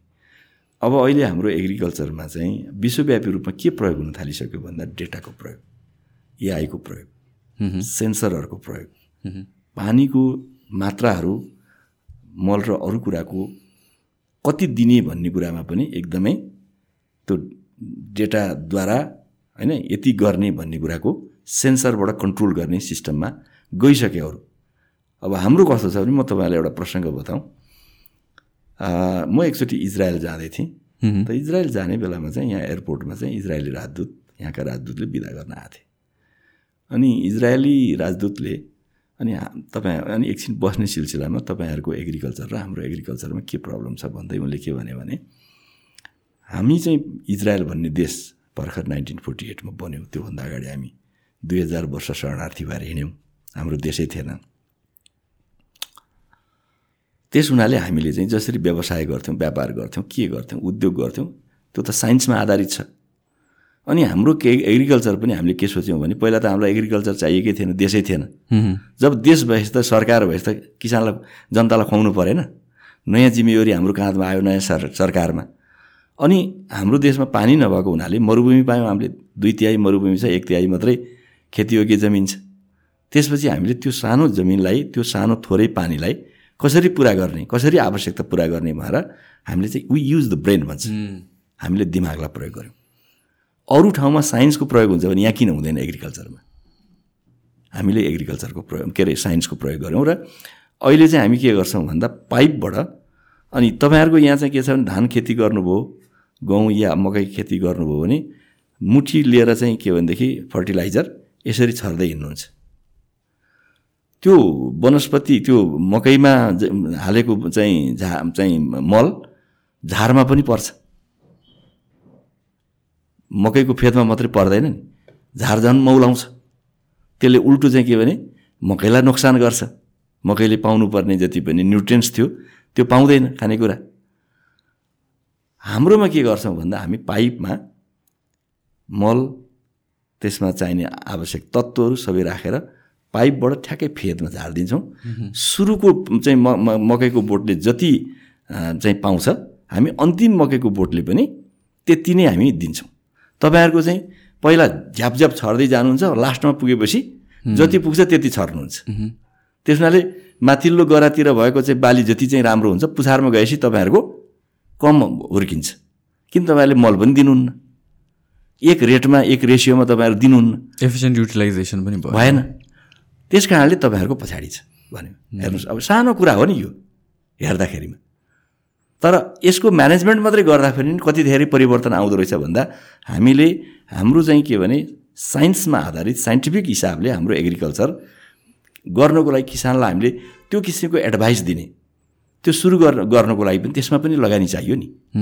त्यसमा उनीहरूले अहिले त सफ्टवेयर युज गर्न सक्छन् विभिन्नले बजार भाउ सोध्न सक्छन् मोबाइलबाट बिहान चट्ट चाहिँ कुनै गाउँमा उत्पादन भएको छ पोखरामा कति छ काठमाडौँमा कति छ नारायणघाटमा कति छ या पूर्व विराटनगरमा कति छ पश्चिममा कति छ त्यो तोकेर सोधेर उसले जहाँ बढी चाहिँ बेनिफिट छ त्यहाँ जान सक्छ भनेपछि त यस्ता धेरै चिज छन् अब डेटा ड्रिभेन जो इकोनोमी छ नि त्यो कुराबाट पनि किसानहरूलाई चाहिँ शिक्षित गर्ने र उनीहरूलाई चाहिँ के भने त्यसको चाहिँ प्रयोग गर्न सिकाउने हो भने त्यसले हाम्रो उत्पादनलाई वृद्धि गर्छ उनीहरूको एफिसियन्सी बढाउन मद्दत गर्छ। त्यसले रिटर्नलाई पनि मद्दत गर्छ। अब अर्को मैले भन्दै थिएँ हाम्रो देशमा इकोनोमी ल्याउनलाई आइटीमा हाम्रो इन्भेस्टमेन्ट हुनु जरुरी छ। आइटीमा कस्तो छ नि कसैले तपाईँलाई नाकाबन्दी पनि हुँदैन। सिधै डलर्स आउने भयो। होइन जान सक्छ। आइटीमा मात्रै लगानी गऱ्यो भने टु पर्सेन्ट जिडिपी चाहिँ ग्रोथ हुनसक्छ भन्छ अहिलेको जिडिपीलाई त्यस कारणले हाम्रा नौजवानहरूलाई हाम्रो ब्रेनलाई युज गर्नको लागि फेरि आउटसोर्सिङ भन्यो यहाँ बसेर अमेरिकाको काम लिन सकिन्छ अस्ट्रेलियाको युरोपको कुनै देशको पनि लिन सकिन्छ। भनेपछि अब हामीले अर्को क्षेत्र हामीले इन्भेस्ट गर्नुपर्ने एरिया के हो भने यो क्षेत्र हो। जस्तो म त के देखिरहेको छु भने डेटा सेन्टरहरूको निर्माणको लागि खर्च गर्न पनि सक्छन् नेपालीहरूले। अरू ठाउँको डेटा ल्याएर स्टोरिङ गरेर त्यस बापत पैसा लिन पनि सक्छन्। हाम्रो चाहिँ जस्तो जस्तो पालुङ साइडमा सिमबन्जामा भने चिसो ठाउँमा भयो भने चौबिस घन्टा कुलेखानीको बिजुली आउँछ। त्यहाँ त्यस्तो डेटा सेन्टर सेक्युरिटी राखेर गरिदिने हो भनेदेखि स्वाभाविक रूपमा हामीले चाहिँ।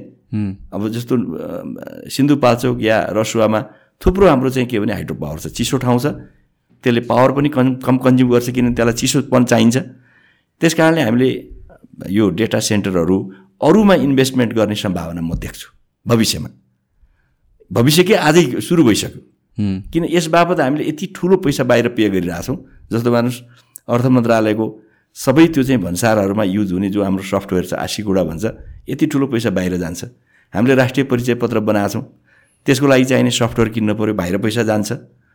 त्यसै गरी हामीले चाहिँ नागरिकताको भनेका छौँ जान्छ हाम्रो चिप्स बनाएर के अरे यो ड्राइभिङ लाइसेन्स भनेको छ त्यस बापतको चाहिँ बनाउँदा कति पैसा जान्छ। या हाम्रो चाहिँ अरू भनौँ न ब्याङ्कले युज गर्ने सफ्टवेयरहरू छन् या चाहिँ एनइएले चाहिँ इलेक्ट्रिसिटी अथोरिटीले युज गर्ने सफ्टवेयरहरू छन् सबैलाई तपाईँले स्वयं नेपाललाई प्रयोग हुने डेटाको स्टोरिङ गर्ने मात्रै पनि हामीले यहाँ डेटा सेन्टरहरू हामीले इस्टाब्लिस गऱ्यौँ भने हाम्रो त थुप्रो पैसा बाहिर जानु रोकिन्छ। र यो मेन बाहिर जानुको कारण हामीहरू यस्तो सफ्टवेयर बनाउन इन्केपेबल भएको हो कि कि कमिसनको कुरा हो यहाँ चाहिँ यसमा थोरै इन्क्यापेबल होला। कुनै पनि देश एकै दिन सम्पन्न माथि टाइम त लागिहाल्छ, टाइम त लागिहाल्छ। त्यस हुनाले एउटा चिज के गर्नै जरुरी छ भने नेपालको प्रोडक्ट भएसम्म बाहिरको नलिने भन्ने नीति पहिलो गर्नुपर्छ। त्यसलाई प्रोटेक्सन दिनुपर्छ चाहे जुनसुकै क्षेत्र होस् इभेन सफ्टवेयरदेखि अरू के- किन नहोस् अब तपाईँले भने जस्तो अब बाहिरकाहरूले त के गर्छन् भन्दा मेरो चाहिँ सामान राम्रो छ किन भनेर पुस गर्दा त्यसमा तपाईँले भनेको कमिसन मात्र होइन पुस फ्याक्टर पनि छ। बाहिरकाले मेरो किन? तेरो क्वालिटी कमजोर छ मेरो चाहिँ राम्रो छ भन्छन् नि बजारमा त भन्दैनन् र। भन्छ। त्यसलाई पनि हामीले के भन्न सक्यौँ भने मेरो बजार पनि आउँदैछ मेरो पनि सामर्थ्य आज मैले यसलाई चाहिँ प्रोटेक्सन गर्नुपर्छ भन्नु परेन। र स्पेसली टेकको कुरामा टेकको कुरामा त हामी त अगाडि छौँ नि त हामी संसारभरिको काम गर्न गरिरहेको छौँ भनेपछि यहीँको मान्छेले सफ्टवेयर बनाएर बाहिर बेच्छ अनि त्यहीँबाट फेरि हामीलाई नै बेच्छ क्या त्यो सफ्टवेयर Yes. त्यो चाहिँ चित्त नबुझ्ने होइन होइन तर अब के चाहिँ म मान्दिनँ भने हामी एकदमै सक्षम छौँ संसारमै सबभन्दा जान्ने छौँ त म भन्दिनँ। टाइम लाग्छ। किनभने जस्तो अहिले चिप्समा चाहिँ अहिलेको ट्वेन्टी फर्स्ट सेन्चुरीको चाहिँ आयललाई चिप्सलाई चाहिँ आयल मानिन्छ। डेटालाई पनि आयल मानिएको छ। एक्काइसौँ शताब्दीको तेल भनेको डेटा हो या चिप्स हो। अहिले चिन र अमेरिकाको बिचको अमेरिका र चिनको बिचको द्वन्द्व के हो भने चिप्समा एकाधिकार छ अमेरिकाको। त्यसमा चाइना नआओस् अबका सम्पूर्ण चाहिँ यन्त्रहरू उपकरणहरू सेन्सर आधारित हुनेछन् चिप्स आधारित हुनेछन्। चाहे तपाईँ फाइभ जीको कुरा गर्नुहोस् चाहे अब स्मार्ट हाउसेसको कुरा गर्नु गर्नुहोस् चाहे कुनै पनि कुराहरू। रिसेन्ट यो चाहे मोबाइलको कुरा गर्नुहोस् चाहे अरू कुनै कुरा गर्नुहोस्। रिसेन्ट यो ताइवान भिजिटको कुरा. पनि यहीसँग यी सही कुरासँग सम्बन्धित छ। त्यस कारणले अब त्यसमा उनीहरूको ठुलो इन्भेस्टमेन्ट छ स्वाभाविक रूपमा त्यो इन्भेस्टमेन्ट हाम्रो अहिले हुन सक्दैन। किन यो त नलेज माथिको लगानी हो कि? किन जोसँग नलेज छ त्यो धनी हो त्यो शक्तिशाली हो। जोसँग नलेज छैन त्यो गरिब त्यो कमजोर हुन्छ। होइन? हामीले पनि अब बिस्तारै के गर्नुपर्छ भने हामी बलियो छौँ भन्ने होइन कि? हामी कमजोरै हौँला तर हामी बलियो हुनको लागि पनि त इन्भेस्टमेन्ट त्यो क्षेत्रमा लानु पऱ्यो नि। हाम्रा स्कुल कलेजहरूमा एआई पढाउनु थाल्नु पऱ्यो परेन त्यो नलेज नदिकन अनि हाम्रा चाहिँ जनशक्ति डेभलप हुन्छ र। त्यस कारणले हामीले यो क्षेत्रमा लाग्नुपर्छ र नेपाली प्रोडक्टलाई सफ्टवेयरदेखि अहिलेसम्म सफ्टवेयरहरू चाहिँ नेपाली प्रोडक्ट मान्ने मानेकै छैन कन्सेप्ट तपाईँले अरू कुरा मान्नुभयो होला। ती सहित सबै नेपाली प्रोडक्ट हुन् भन्ने कुरा पहिला मानेर अनि त्यसलाई प्रोटेक्सन गर्ने नीति लिएर गयौँ भने मलाई लाग्छ यो हामी एउटा निष्कर्षमा पुग्छौँ। म म चाहिँ आइटी ग्रेजुएट हो बाई बाई एकाडेमिक्स चाहिँ मेरो अनि त्यसपछि आई मलाई के बिलिभ बिलिभ लाग्छ भनेपछि बेसिक प्रोग्रामिङ सबै लेभललाई चाहिँ सिक्न जरुरी छ कि? सबै सबै फ्याकल्टिजमा। र प्रोग्रामिङ भनेको it's not just about creating a software programming भनेको त प्रब्लम सल्भिङ हो नि त at the end of the day त। त्यसले सोच्न सिकाउँछ कि? सो यो बेसिक नलेज सबैलाई भयो भने अनि त्यहाँबाट बेस क्रिएट हुने एउटा हिसाबले. र इन टर्म्स अफ सफ्टवेयर त्यही त हामीहरू जुन हामीहरू लाइक आई थिङ्क हामीहरूको जुन अहिलेको करेन्ट युथ फोर्स छ उनीहरू मच केपेबल छ इन्टु सफ्टवेयर हार्डवेयरमा म भन्दिनँ चिप्सहरूमा भन्दिनँ। तर त्यसलाई चाहिँ कसरी प्रमोट गर्ने भन्ने कुरा आउँछ क्या अब यसमा हामीले चाहिँ उनीहरूलाई इन्भेस्ट नगरिकन प्रमोट हुँदै हुँदैन। जस्तो मान्नुहोस् अघि मैले भने हामी चिप्स बनाउनु अहिले नै सक्दैन। चिप्स धेरै देशले सकेका छैन। इभन चाइनाले अहिले सेभेन नानोमिटर चिप्सतिर पहिला अट्ठाइस नानोमिटर चौध नानोमिटर गरिरहेछन्। जबकि अमेरिकाले पाँच तिनमा इन्भेस्ट गर्न सुरु गरिरहेछ।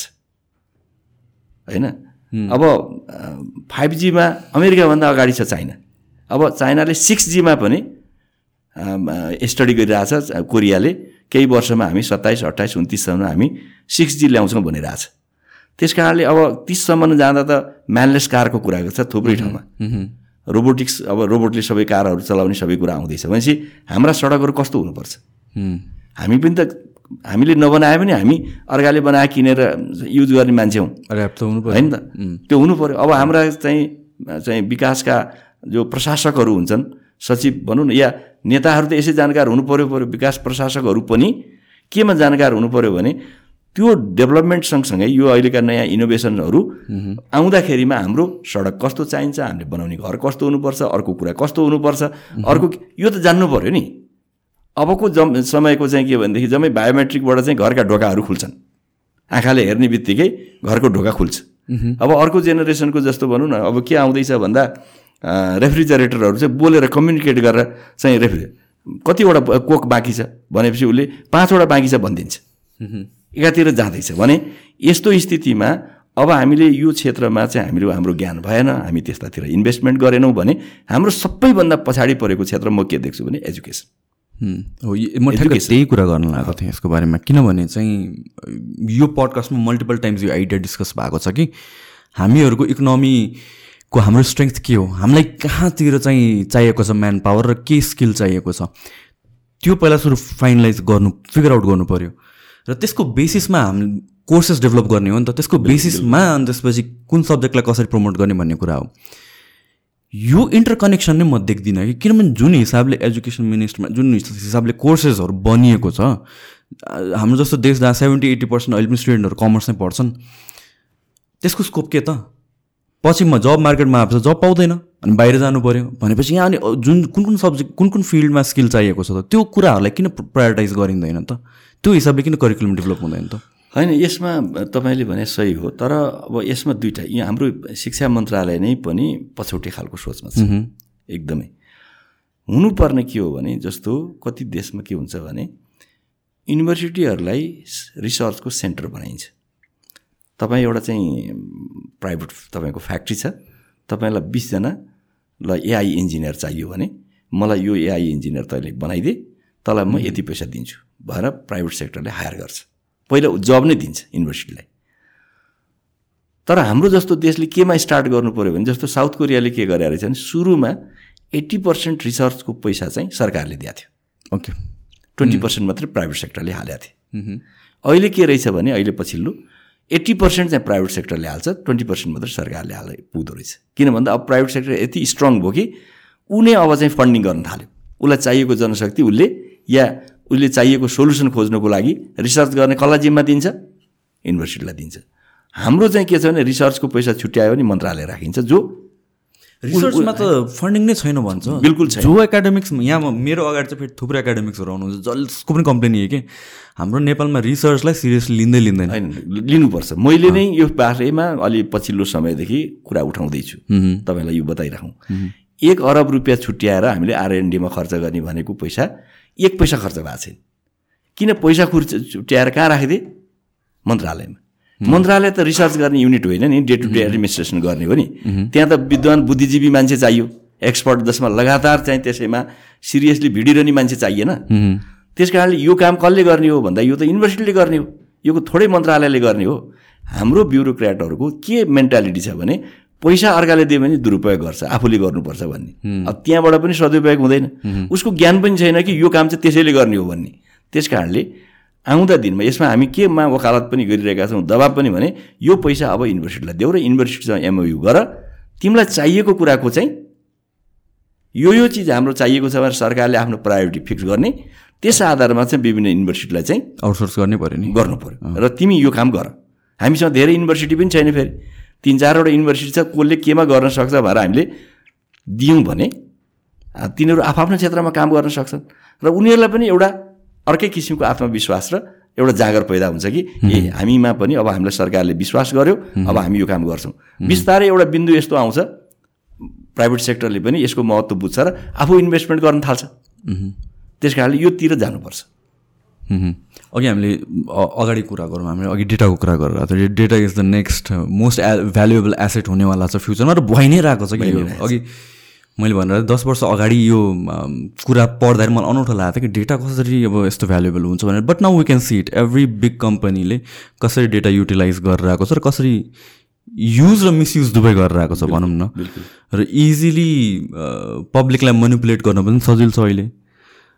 यसको बारेमा तपाईँले आर्टिकल लेख्नु भएको छ भनेर भन्नुभयो यसको बारेमा एकचोटि यसो सुन। होइन के छ भने अहिले यो डेटा चाहिँ विभिन्न माध्यमहरूबाट चाहिँ कम्प्युटर जेनेरेटेड डेटा हजुर। होइन धेरै डेटाहरू चाहिँ प्राप्त गर्छ विभिन्न माध्यमबाट। जस्तो मान्नुहोस् ब्याङ्कका डेटा क्यामेराहरूबाट आउने डेटा अनेकौँ जस्तो फेसबुक अरू अरू अरू विभिन्नबाट प्राप्त हुने डेटा ती सबै गएर एउटा स्टोरमा जम्मा हुन्छ।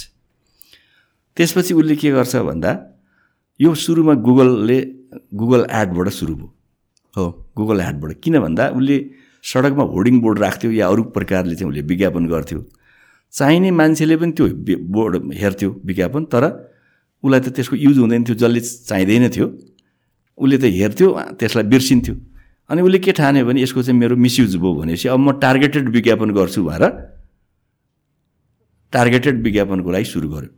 एआईबाट उसले के भने जब हामी कुनै मोबाइलमा विभिन्न ऊ हेर्छौँ प्रयोग गर्छौँ अब कोही अर्थशास्त्रको मात्रै किताब पढ्ने मान्छे रहेछ भने अहिले के गर्छ? त अर्थशास्त्र यो किताब पनि निक्लिएको छ पढ्छस् उहाँहरू उसलाई पठाइदिइरहन्छ। हाम्रो कन्भर्सेसनको बेसिसमा एकछिनमा एड आउँछ। होइन? अहिले आउँछ। कोही केटीहरू मात्रै हेरिरहने मान्छे रहेछ भने त्यो केटी मन पराउँछस् उहाँहरू पठाइदिइरहन्छ। बुझ्नु भएन अब त्यस हुनाले उसले के बुझ्यो भने अब चाहिँ अब यो डेटाले के गर्न थाल्ने रहेछ भने ह्युम्यान न्युरल नेटवर्कको स्टडी गरेर मान्छेको मन पनि बुझ्न सकिन्छ भन्ने कुरा उसले पत्ता लगायो। पहिला यो चाहिँ डेटा स्टोर गर्ने क्यापेसिटी पनि थिएन त्यसमा अलिक बिग डेटा सेन्टरहरूको उदय भयो। दोस्रो त्यसलाई एनालिसिस गर्ने त्यो कम्प्युटिङ क्षमता थिएन त्यो चाहिँ एआईले गर्न थाल्यो। एल्गोरिदमको माध्यमबाट डेटा उसलाई फिट गरिदिएपछि उसले त्यसलाई एनालिसिस गरेर गर्न थाल्यो। अब यसले के गर्न सक्ने भयो भविष्यमा भन्दा तपाईँ हाम्रो दिमागलाई पनि ह्याक गर्न सक्छ। अब तपाईँ अहिले यसो हेर्नुहोस् त पहिला पहिला चाहिँ एक घन्टा तपाईँलाई चाहिँ पाए पाइएन अथवा दुई दिन चाहिँ मोटरसाइकल चढ्न पाइएन ते तेल भएन भने छटपटिन्थे नौजवानहरू अब एक घन्टा तपाईँलाई चाहिँ के भने वाइफाई नहुने हो भने के हुन्छ? दुई दिन होइन कि एक घन्टा दिएन भने पनि ठुलो छटपट्टि हुन्छ हुँदै हुँदैन? हो किन मान्छे अब कता जा गयो भन्दा अब मन बुझ्ने र मनलाई खरिद बिक्री गर्न सकिन्छ भन्ने कुरा पत्ता लगायो। मनलाई क्या? जो पहिला थिएन पहिला त भौतिक वस्तु मात्रै किनबेच हुन्छ भन्थे। अब मन किनबेच। अब मन किन मन बुझ्न थाल्यो भने के हुन्छ? मनलाई उसले ह्याक गरिदिन सक्ने भयो नि त। मिसयुज पनि गर्न सक्ने भयो युज पनि गर्न सक्ने भयो। एकदमै। त्यस कारणले खास गरी अहिले डेटा प्राइभेसी र डेटाको कसरी प्रयोग हुनुपर्छ भन्ने बारेमा ठुलो बहस पनि भइरहेछ। मुद्दाहरू पनि परिरहेछन् अनेकौँ इन्टरनेसनल कोर्टहरूमा। र हाम्रो देशमा त हामीले यसबारेमा सचेतै छैनौँ कि हामी यो हामीले चाहिँ विभिन्न रूपले चाहिँ मोबाइलबाट युज गरिरहेका डेटाहरू पनि उसले फ्रिली कच्चा पदार्थको रूपमा र मेटेरियलको रूपमा पाएको छ र उसले त्यो नि शुल्क पाएको छ। अरू कच्चा पदार्थ पहिला पहिला किन्नु पर्थ्यो उसलाई। अहिले त उसले के गरेको छ डेटा कम्पनीहरूले विदाउट गिभिङ एनी मनी हामी आफै राख्छौँ फोटा राख्छौँ अर्का राख्छौँ अर्का राख्छौँ उसले ती सबै जम्मा पार्छ र। त्यसलाई स्टडी गरेर त्यसैको आधारमा वस्तु बनाएर बेचिरहेछ भने त फ्री कच्चा पदार्थ पायो। त्यो फ्री कच्चा पदार्थबाट उसले म्याक्सिमम सरप्लस भ्यालु क्रिएट गरिरहेछ। र सरप्लस गरेर हामीलाई नै बेचिरहेछ। अबको समयमा सबभन्दा धनी तिनै डेटा कम्पनी हुनेछ। विश्वव्यापी रूपमा। भइ पनि रहेछ। होइन? जस्तो गाफा भन्छ क्या। Google's Apple Amazon Facebook gang of four भनेर एकजना मैले चाहिँ लेखिकाले प्रोफेसरले भन्नुभएको छ। यी ग्याङ अफ फोले संसारै कन्ट्रोल गरेका छ अब यो यो ग्याङ अफ फोरबाट सबभन्दा ठुलो बिगर थ्रेट के आइरहेछ भनेपछि टिकटक यस टिकटक जुन छ नि रिसेन्टली मैले यसको बारेमा अलिकति पढेको थिएँ अनि टिकटकमा टिकटक झन् अलिक डरलाग्दो कुन सेन्समा छ भनेपछि त्यसको प्राइभेसी पोलिसी पढ्ने हो भने मेरो फोनमा टिकटक इन्स्टल छ अरे होइन? उसले मेरो बिहेभियर मात्र स्टडी गर्दैन कि। म मेरो फोनमा अरू कुन एप छ र त्यो एपमा म के गरिरहेको छु र के डेटा एन्टर गरेर त्यो पनि स्टडी गर्छ। यस अरू कुरा भनौँ भनेको मेरो फोन मेरो ल्यापटपसँग कनेक्टेड छ भने मेरो ल्यापटप पनि एक्सेस पाउने भयो उसले।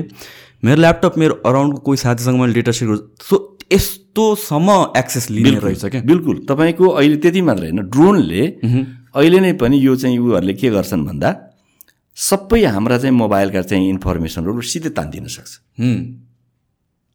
ड्रोनहरूबाट। तपाईँले केही गर्नै पर्दैन। यिनै कम्पनीहरूले ड्रोन छोडिदियो भने तपाईँले युज गर्ने गर्ने मात्रै होइन। अन न युज नगर्नेहरूको पनि डेटा तानिदिन सक्छ। त्यस कारणले यसको बारेमा नेपाल सरकार त्यति सचेत म देख्दिनँ। साँच्चै के भने जरुरी डेटा त गर्नु पर्ला। यसको मिसयुज हुने कुराको सन्दर्भमा जनतालाई सचेतना गर्ने एवारनेसका कुराहरू पनि आवश्यक छ। सँगसँगै गलत काम गर्नेलाई पेनलाइज गर्ने काम पनि आवश्यक छ। भनेपछि नयाँ ध्यान चाहिँ अब जरुरी छ। जस्तो म एउटा घटना बताउँ यो चुनावको अन्तिम बेलामा चाहिँ जिरो आवर भन्छन् नि। गाउँमा चाहिँ मान्छे पसेर पैसा बाँड्छ भनेर एउटा ठाउँमा यसपालि मैले के सुनेँ भने मान्छे चाहिँ लट्ठी बोकेर गाउँमा कोही आउला भएर छेकेर बसे अरे त मान्छे कोही पनि आएन। तर भोट जम्मै बिक्री भयो के भएछ भने जम्मै मोबाइलबाट। Mobile payment? अब अर्को समय एउटा स्थिति छ क्यासलेसतिर पनि जानेछ। किनभने अब क्रिप्टो करेन्सी एकातिर छ सरकारै CBDC central bank digital currency त्यही टेक्नोलोजीमा आधारित भएर जारी गर्छु भनिरहेछ। एउटा समयमा कतिपय यसले राम्रा कुरा पनि गर्छ। यो डेटाले खराब मात्रै गर्दैन। तपाईँ करप्सन कन्ट्रोल गर्नु पऱ्यो भने क्यासलेसमा जानु हो भने त सिधै कन्ट्रोल हुन्छ। त्यसमा यसले हेल्प पनि गर्छ। कैयौँ उपचारको लागि नयाँ नयाँ मेडिसिन एक्काइसौँ शताब्दी चाहिँ थुप्रै असाध्य रोग भनेको यसले निको पार्ने स्थिति छ। जस्तो अब गुगल्सले निकालेको एउटा चाहिँ डक्टर वाटसन भन्ने चाहिँ कम्प्युटरले एन्जेलोना जोली भन्ने चाहिँ नायिक यो चाहिँ मोडेलको चाहिँ उनी चाहिँ चेक गर्न गइछन्। ब्रेस्ट क्यान्सर छ कि भनेर डाक्टरले छैन भन्यो। या। वाटसनले चाहिँ छ भन्थ्यो। हो। त पछि उनी उपचारमा गइन् निको पनि भइन्। भनेपछि भनेपछि कैयौँ किसिमका रोगहरू अब क्यान्सर त करिब करिब यहाँ अहिले। अब यो क्यान्सर यो स्टेजमा यस्तो उस्तो सबै पत्ता लगाउने भइसक्यो। त्यस कारणले यस्ता कैयौँ कुराहरू उपचारको लागि यसले मद्दत पनि गर्नेछ। यो टेक्नोलोजीलाई बन्द गर्ने होइन गर्नु हुँदैन पनि। होइन यो त आफै समाजको विकासको एउटा चरणमा बाट मात्रै प्राप्त भएको कुरा हो। यो एउटा ज्ञानको एउटा लेभल हो नि। सँगसँगै यसले ल्याएको विकृति र खराब कुरा छ त्यसलाई नियन्त्रण गर्ने र व्यक्तिहरूलाई अनावश्यक भिक्टिम नबनाओस् भनेर भन्ने त्यस खालका कुराहरूमा चाहिँ सरकारले आवश्यक नीति बनाउनुपर्छ। तपाईँले अघि एकछिन क्रिप्टो करेन्सीको कुरा गर्नुभयो। तपाईँको ओपिनियन के छ क्रिप्टो करेन्सीमा नेपालमा त ब्यान्ड छ। ब्यान्ड छ अब म चाहिँ के देख्छु भने अब क्रिप्टो टेक्नोलोजीलाई अहिले रोकेर रोक्न सकिँदैन। त्यो इम्पोसिबल नेक्स्ट टु इम्पोसिबल किनभने त्यो चाहिँ डिस्ट्रिब्युटेड लेजर हो र पियर टु पियर चाहिँ उनीहरूले जो ट्रान्ज्याक्सन हुन्छ अर्कोलाई थाहा व्यक्तिलाई थाहा हुँदैन। त्यस हुनाले जुनसुकै टेक्नोलोजीहरू पहिला आउँदा सरकारले यी सबै अवैधानिक हो भन्छ। किन भन्दा उसले जान्दैन। ऊभन्दा अगाडि छ यो। ऊभन्दा यो अगाडि छ नि। कन्ट्रोल पनि भएन फेरि। कन्ट्रोल गर्न त ऊ जान्नु पऱ्यो नि। जान्नु परेन।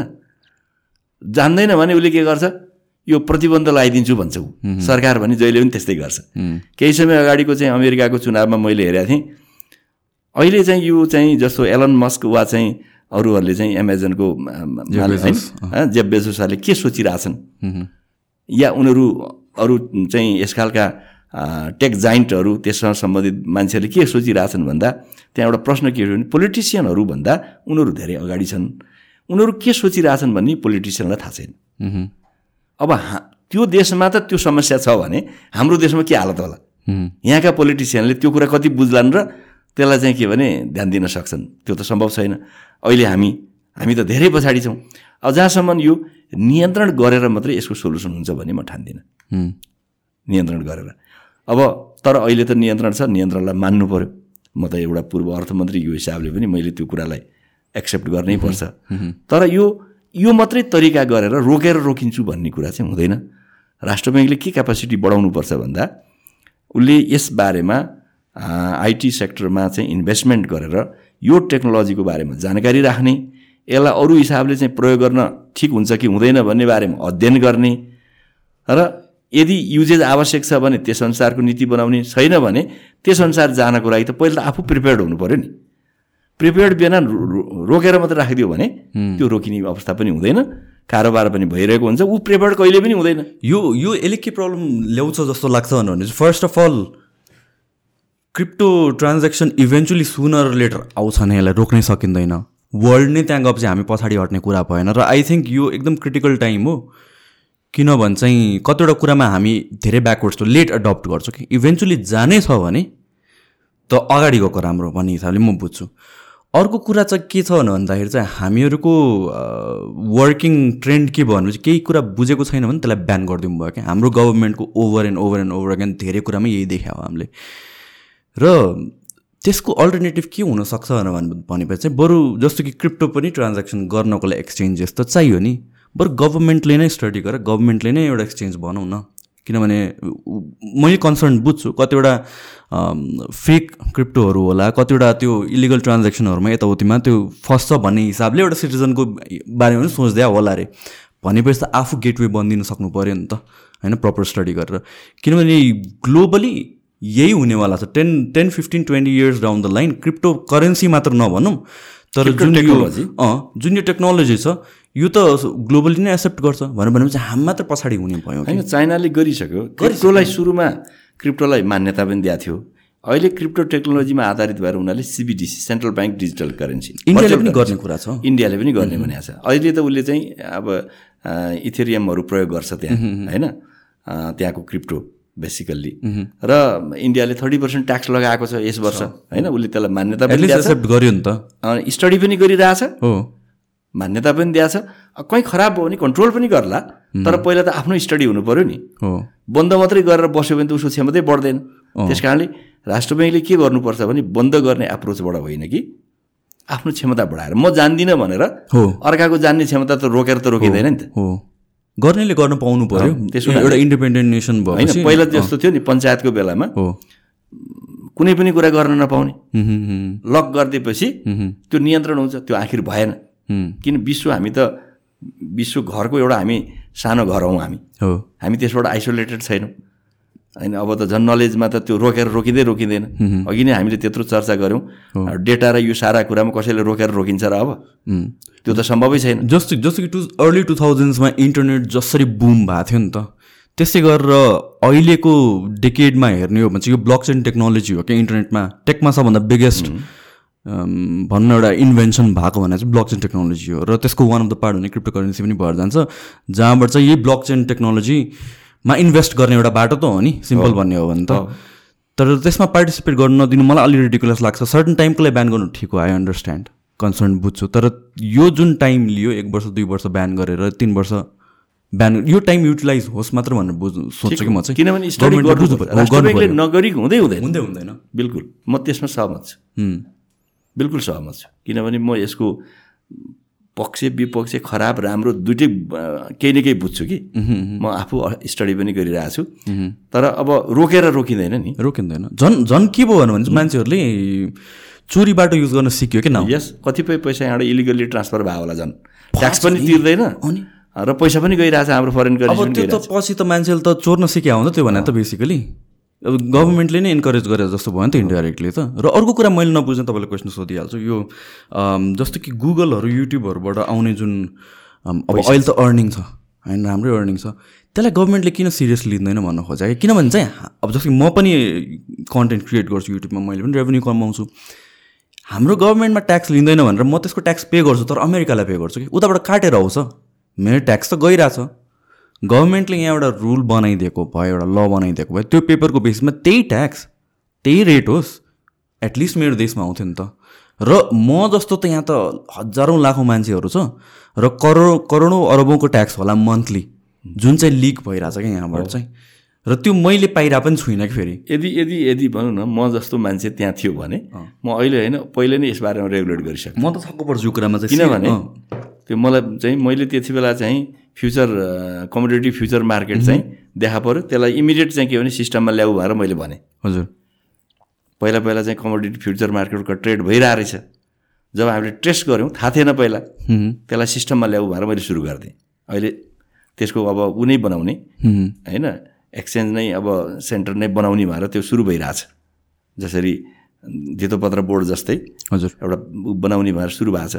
यो पनि चिज अब रोकेर होइन यसलाई सिस्टममा नल्याइकन हुँदैन। पेमेन्ट सिस्टममा पनि चाहे पेमेन्ट गेटवेको कुरा होस् चाहे यो के अरे यो चाहिँ क्रिप्टो टेक्नोलोजीको कुरा किन नहोस् होइन? यो सबै कुराको बारेमा स्टडी गर्ने र राष्ट्र ब्याङ्क यसमा पर्फेक्ट हुनैपर्छ किनभने यो पुरानो ज्ञानमा मात्रै बसेर नयाँ आवश्यकता पुरा गर्नै सक्दैन। अझ के आउनेवाला छ? तपाईँ भन्नुहोस् न अहिले नै कस्तो भइसक्यो भने अब केही समयपछि इभेन म त के देख्छु टिभी नै हुँदैन। भित्तामा नै के भने टिभी चाहिँ के भने. काम गर्छ। हो भनेपछि कुन टेक्नोलोजी? अब कतिपय चाहिँ जस्तो भन्नु पहिला पहिला हामीले प्रयोग गरेको क्यामेरैको अब चाहिँ युजेस अब मोबाइल नै अथवा भन्नु अब चाहिँ पछिल्लो समय अब ल्यापटपै चाहिँदैन होला। मोबाइलले ल्यापटपको काम गर्यो भने। ट्रु ट्रु होइन? धेरै नै हाम्रो युज चेन्ज भइसक्यो। ल्यापटप हतपत युजै गरिँदैन। अनि भनेपछि के चिज आउनेवाला छ त्यसको लागि त तयार हुनु पऱ्यो नि।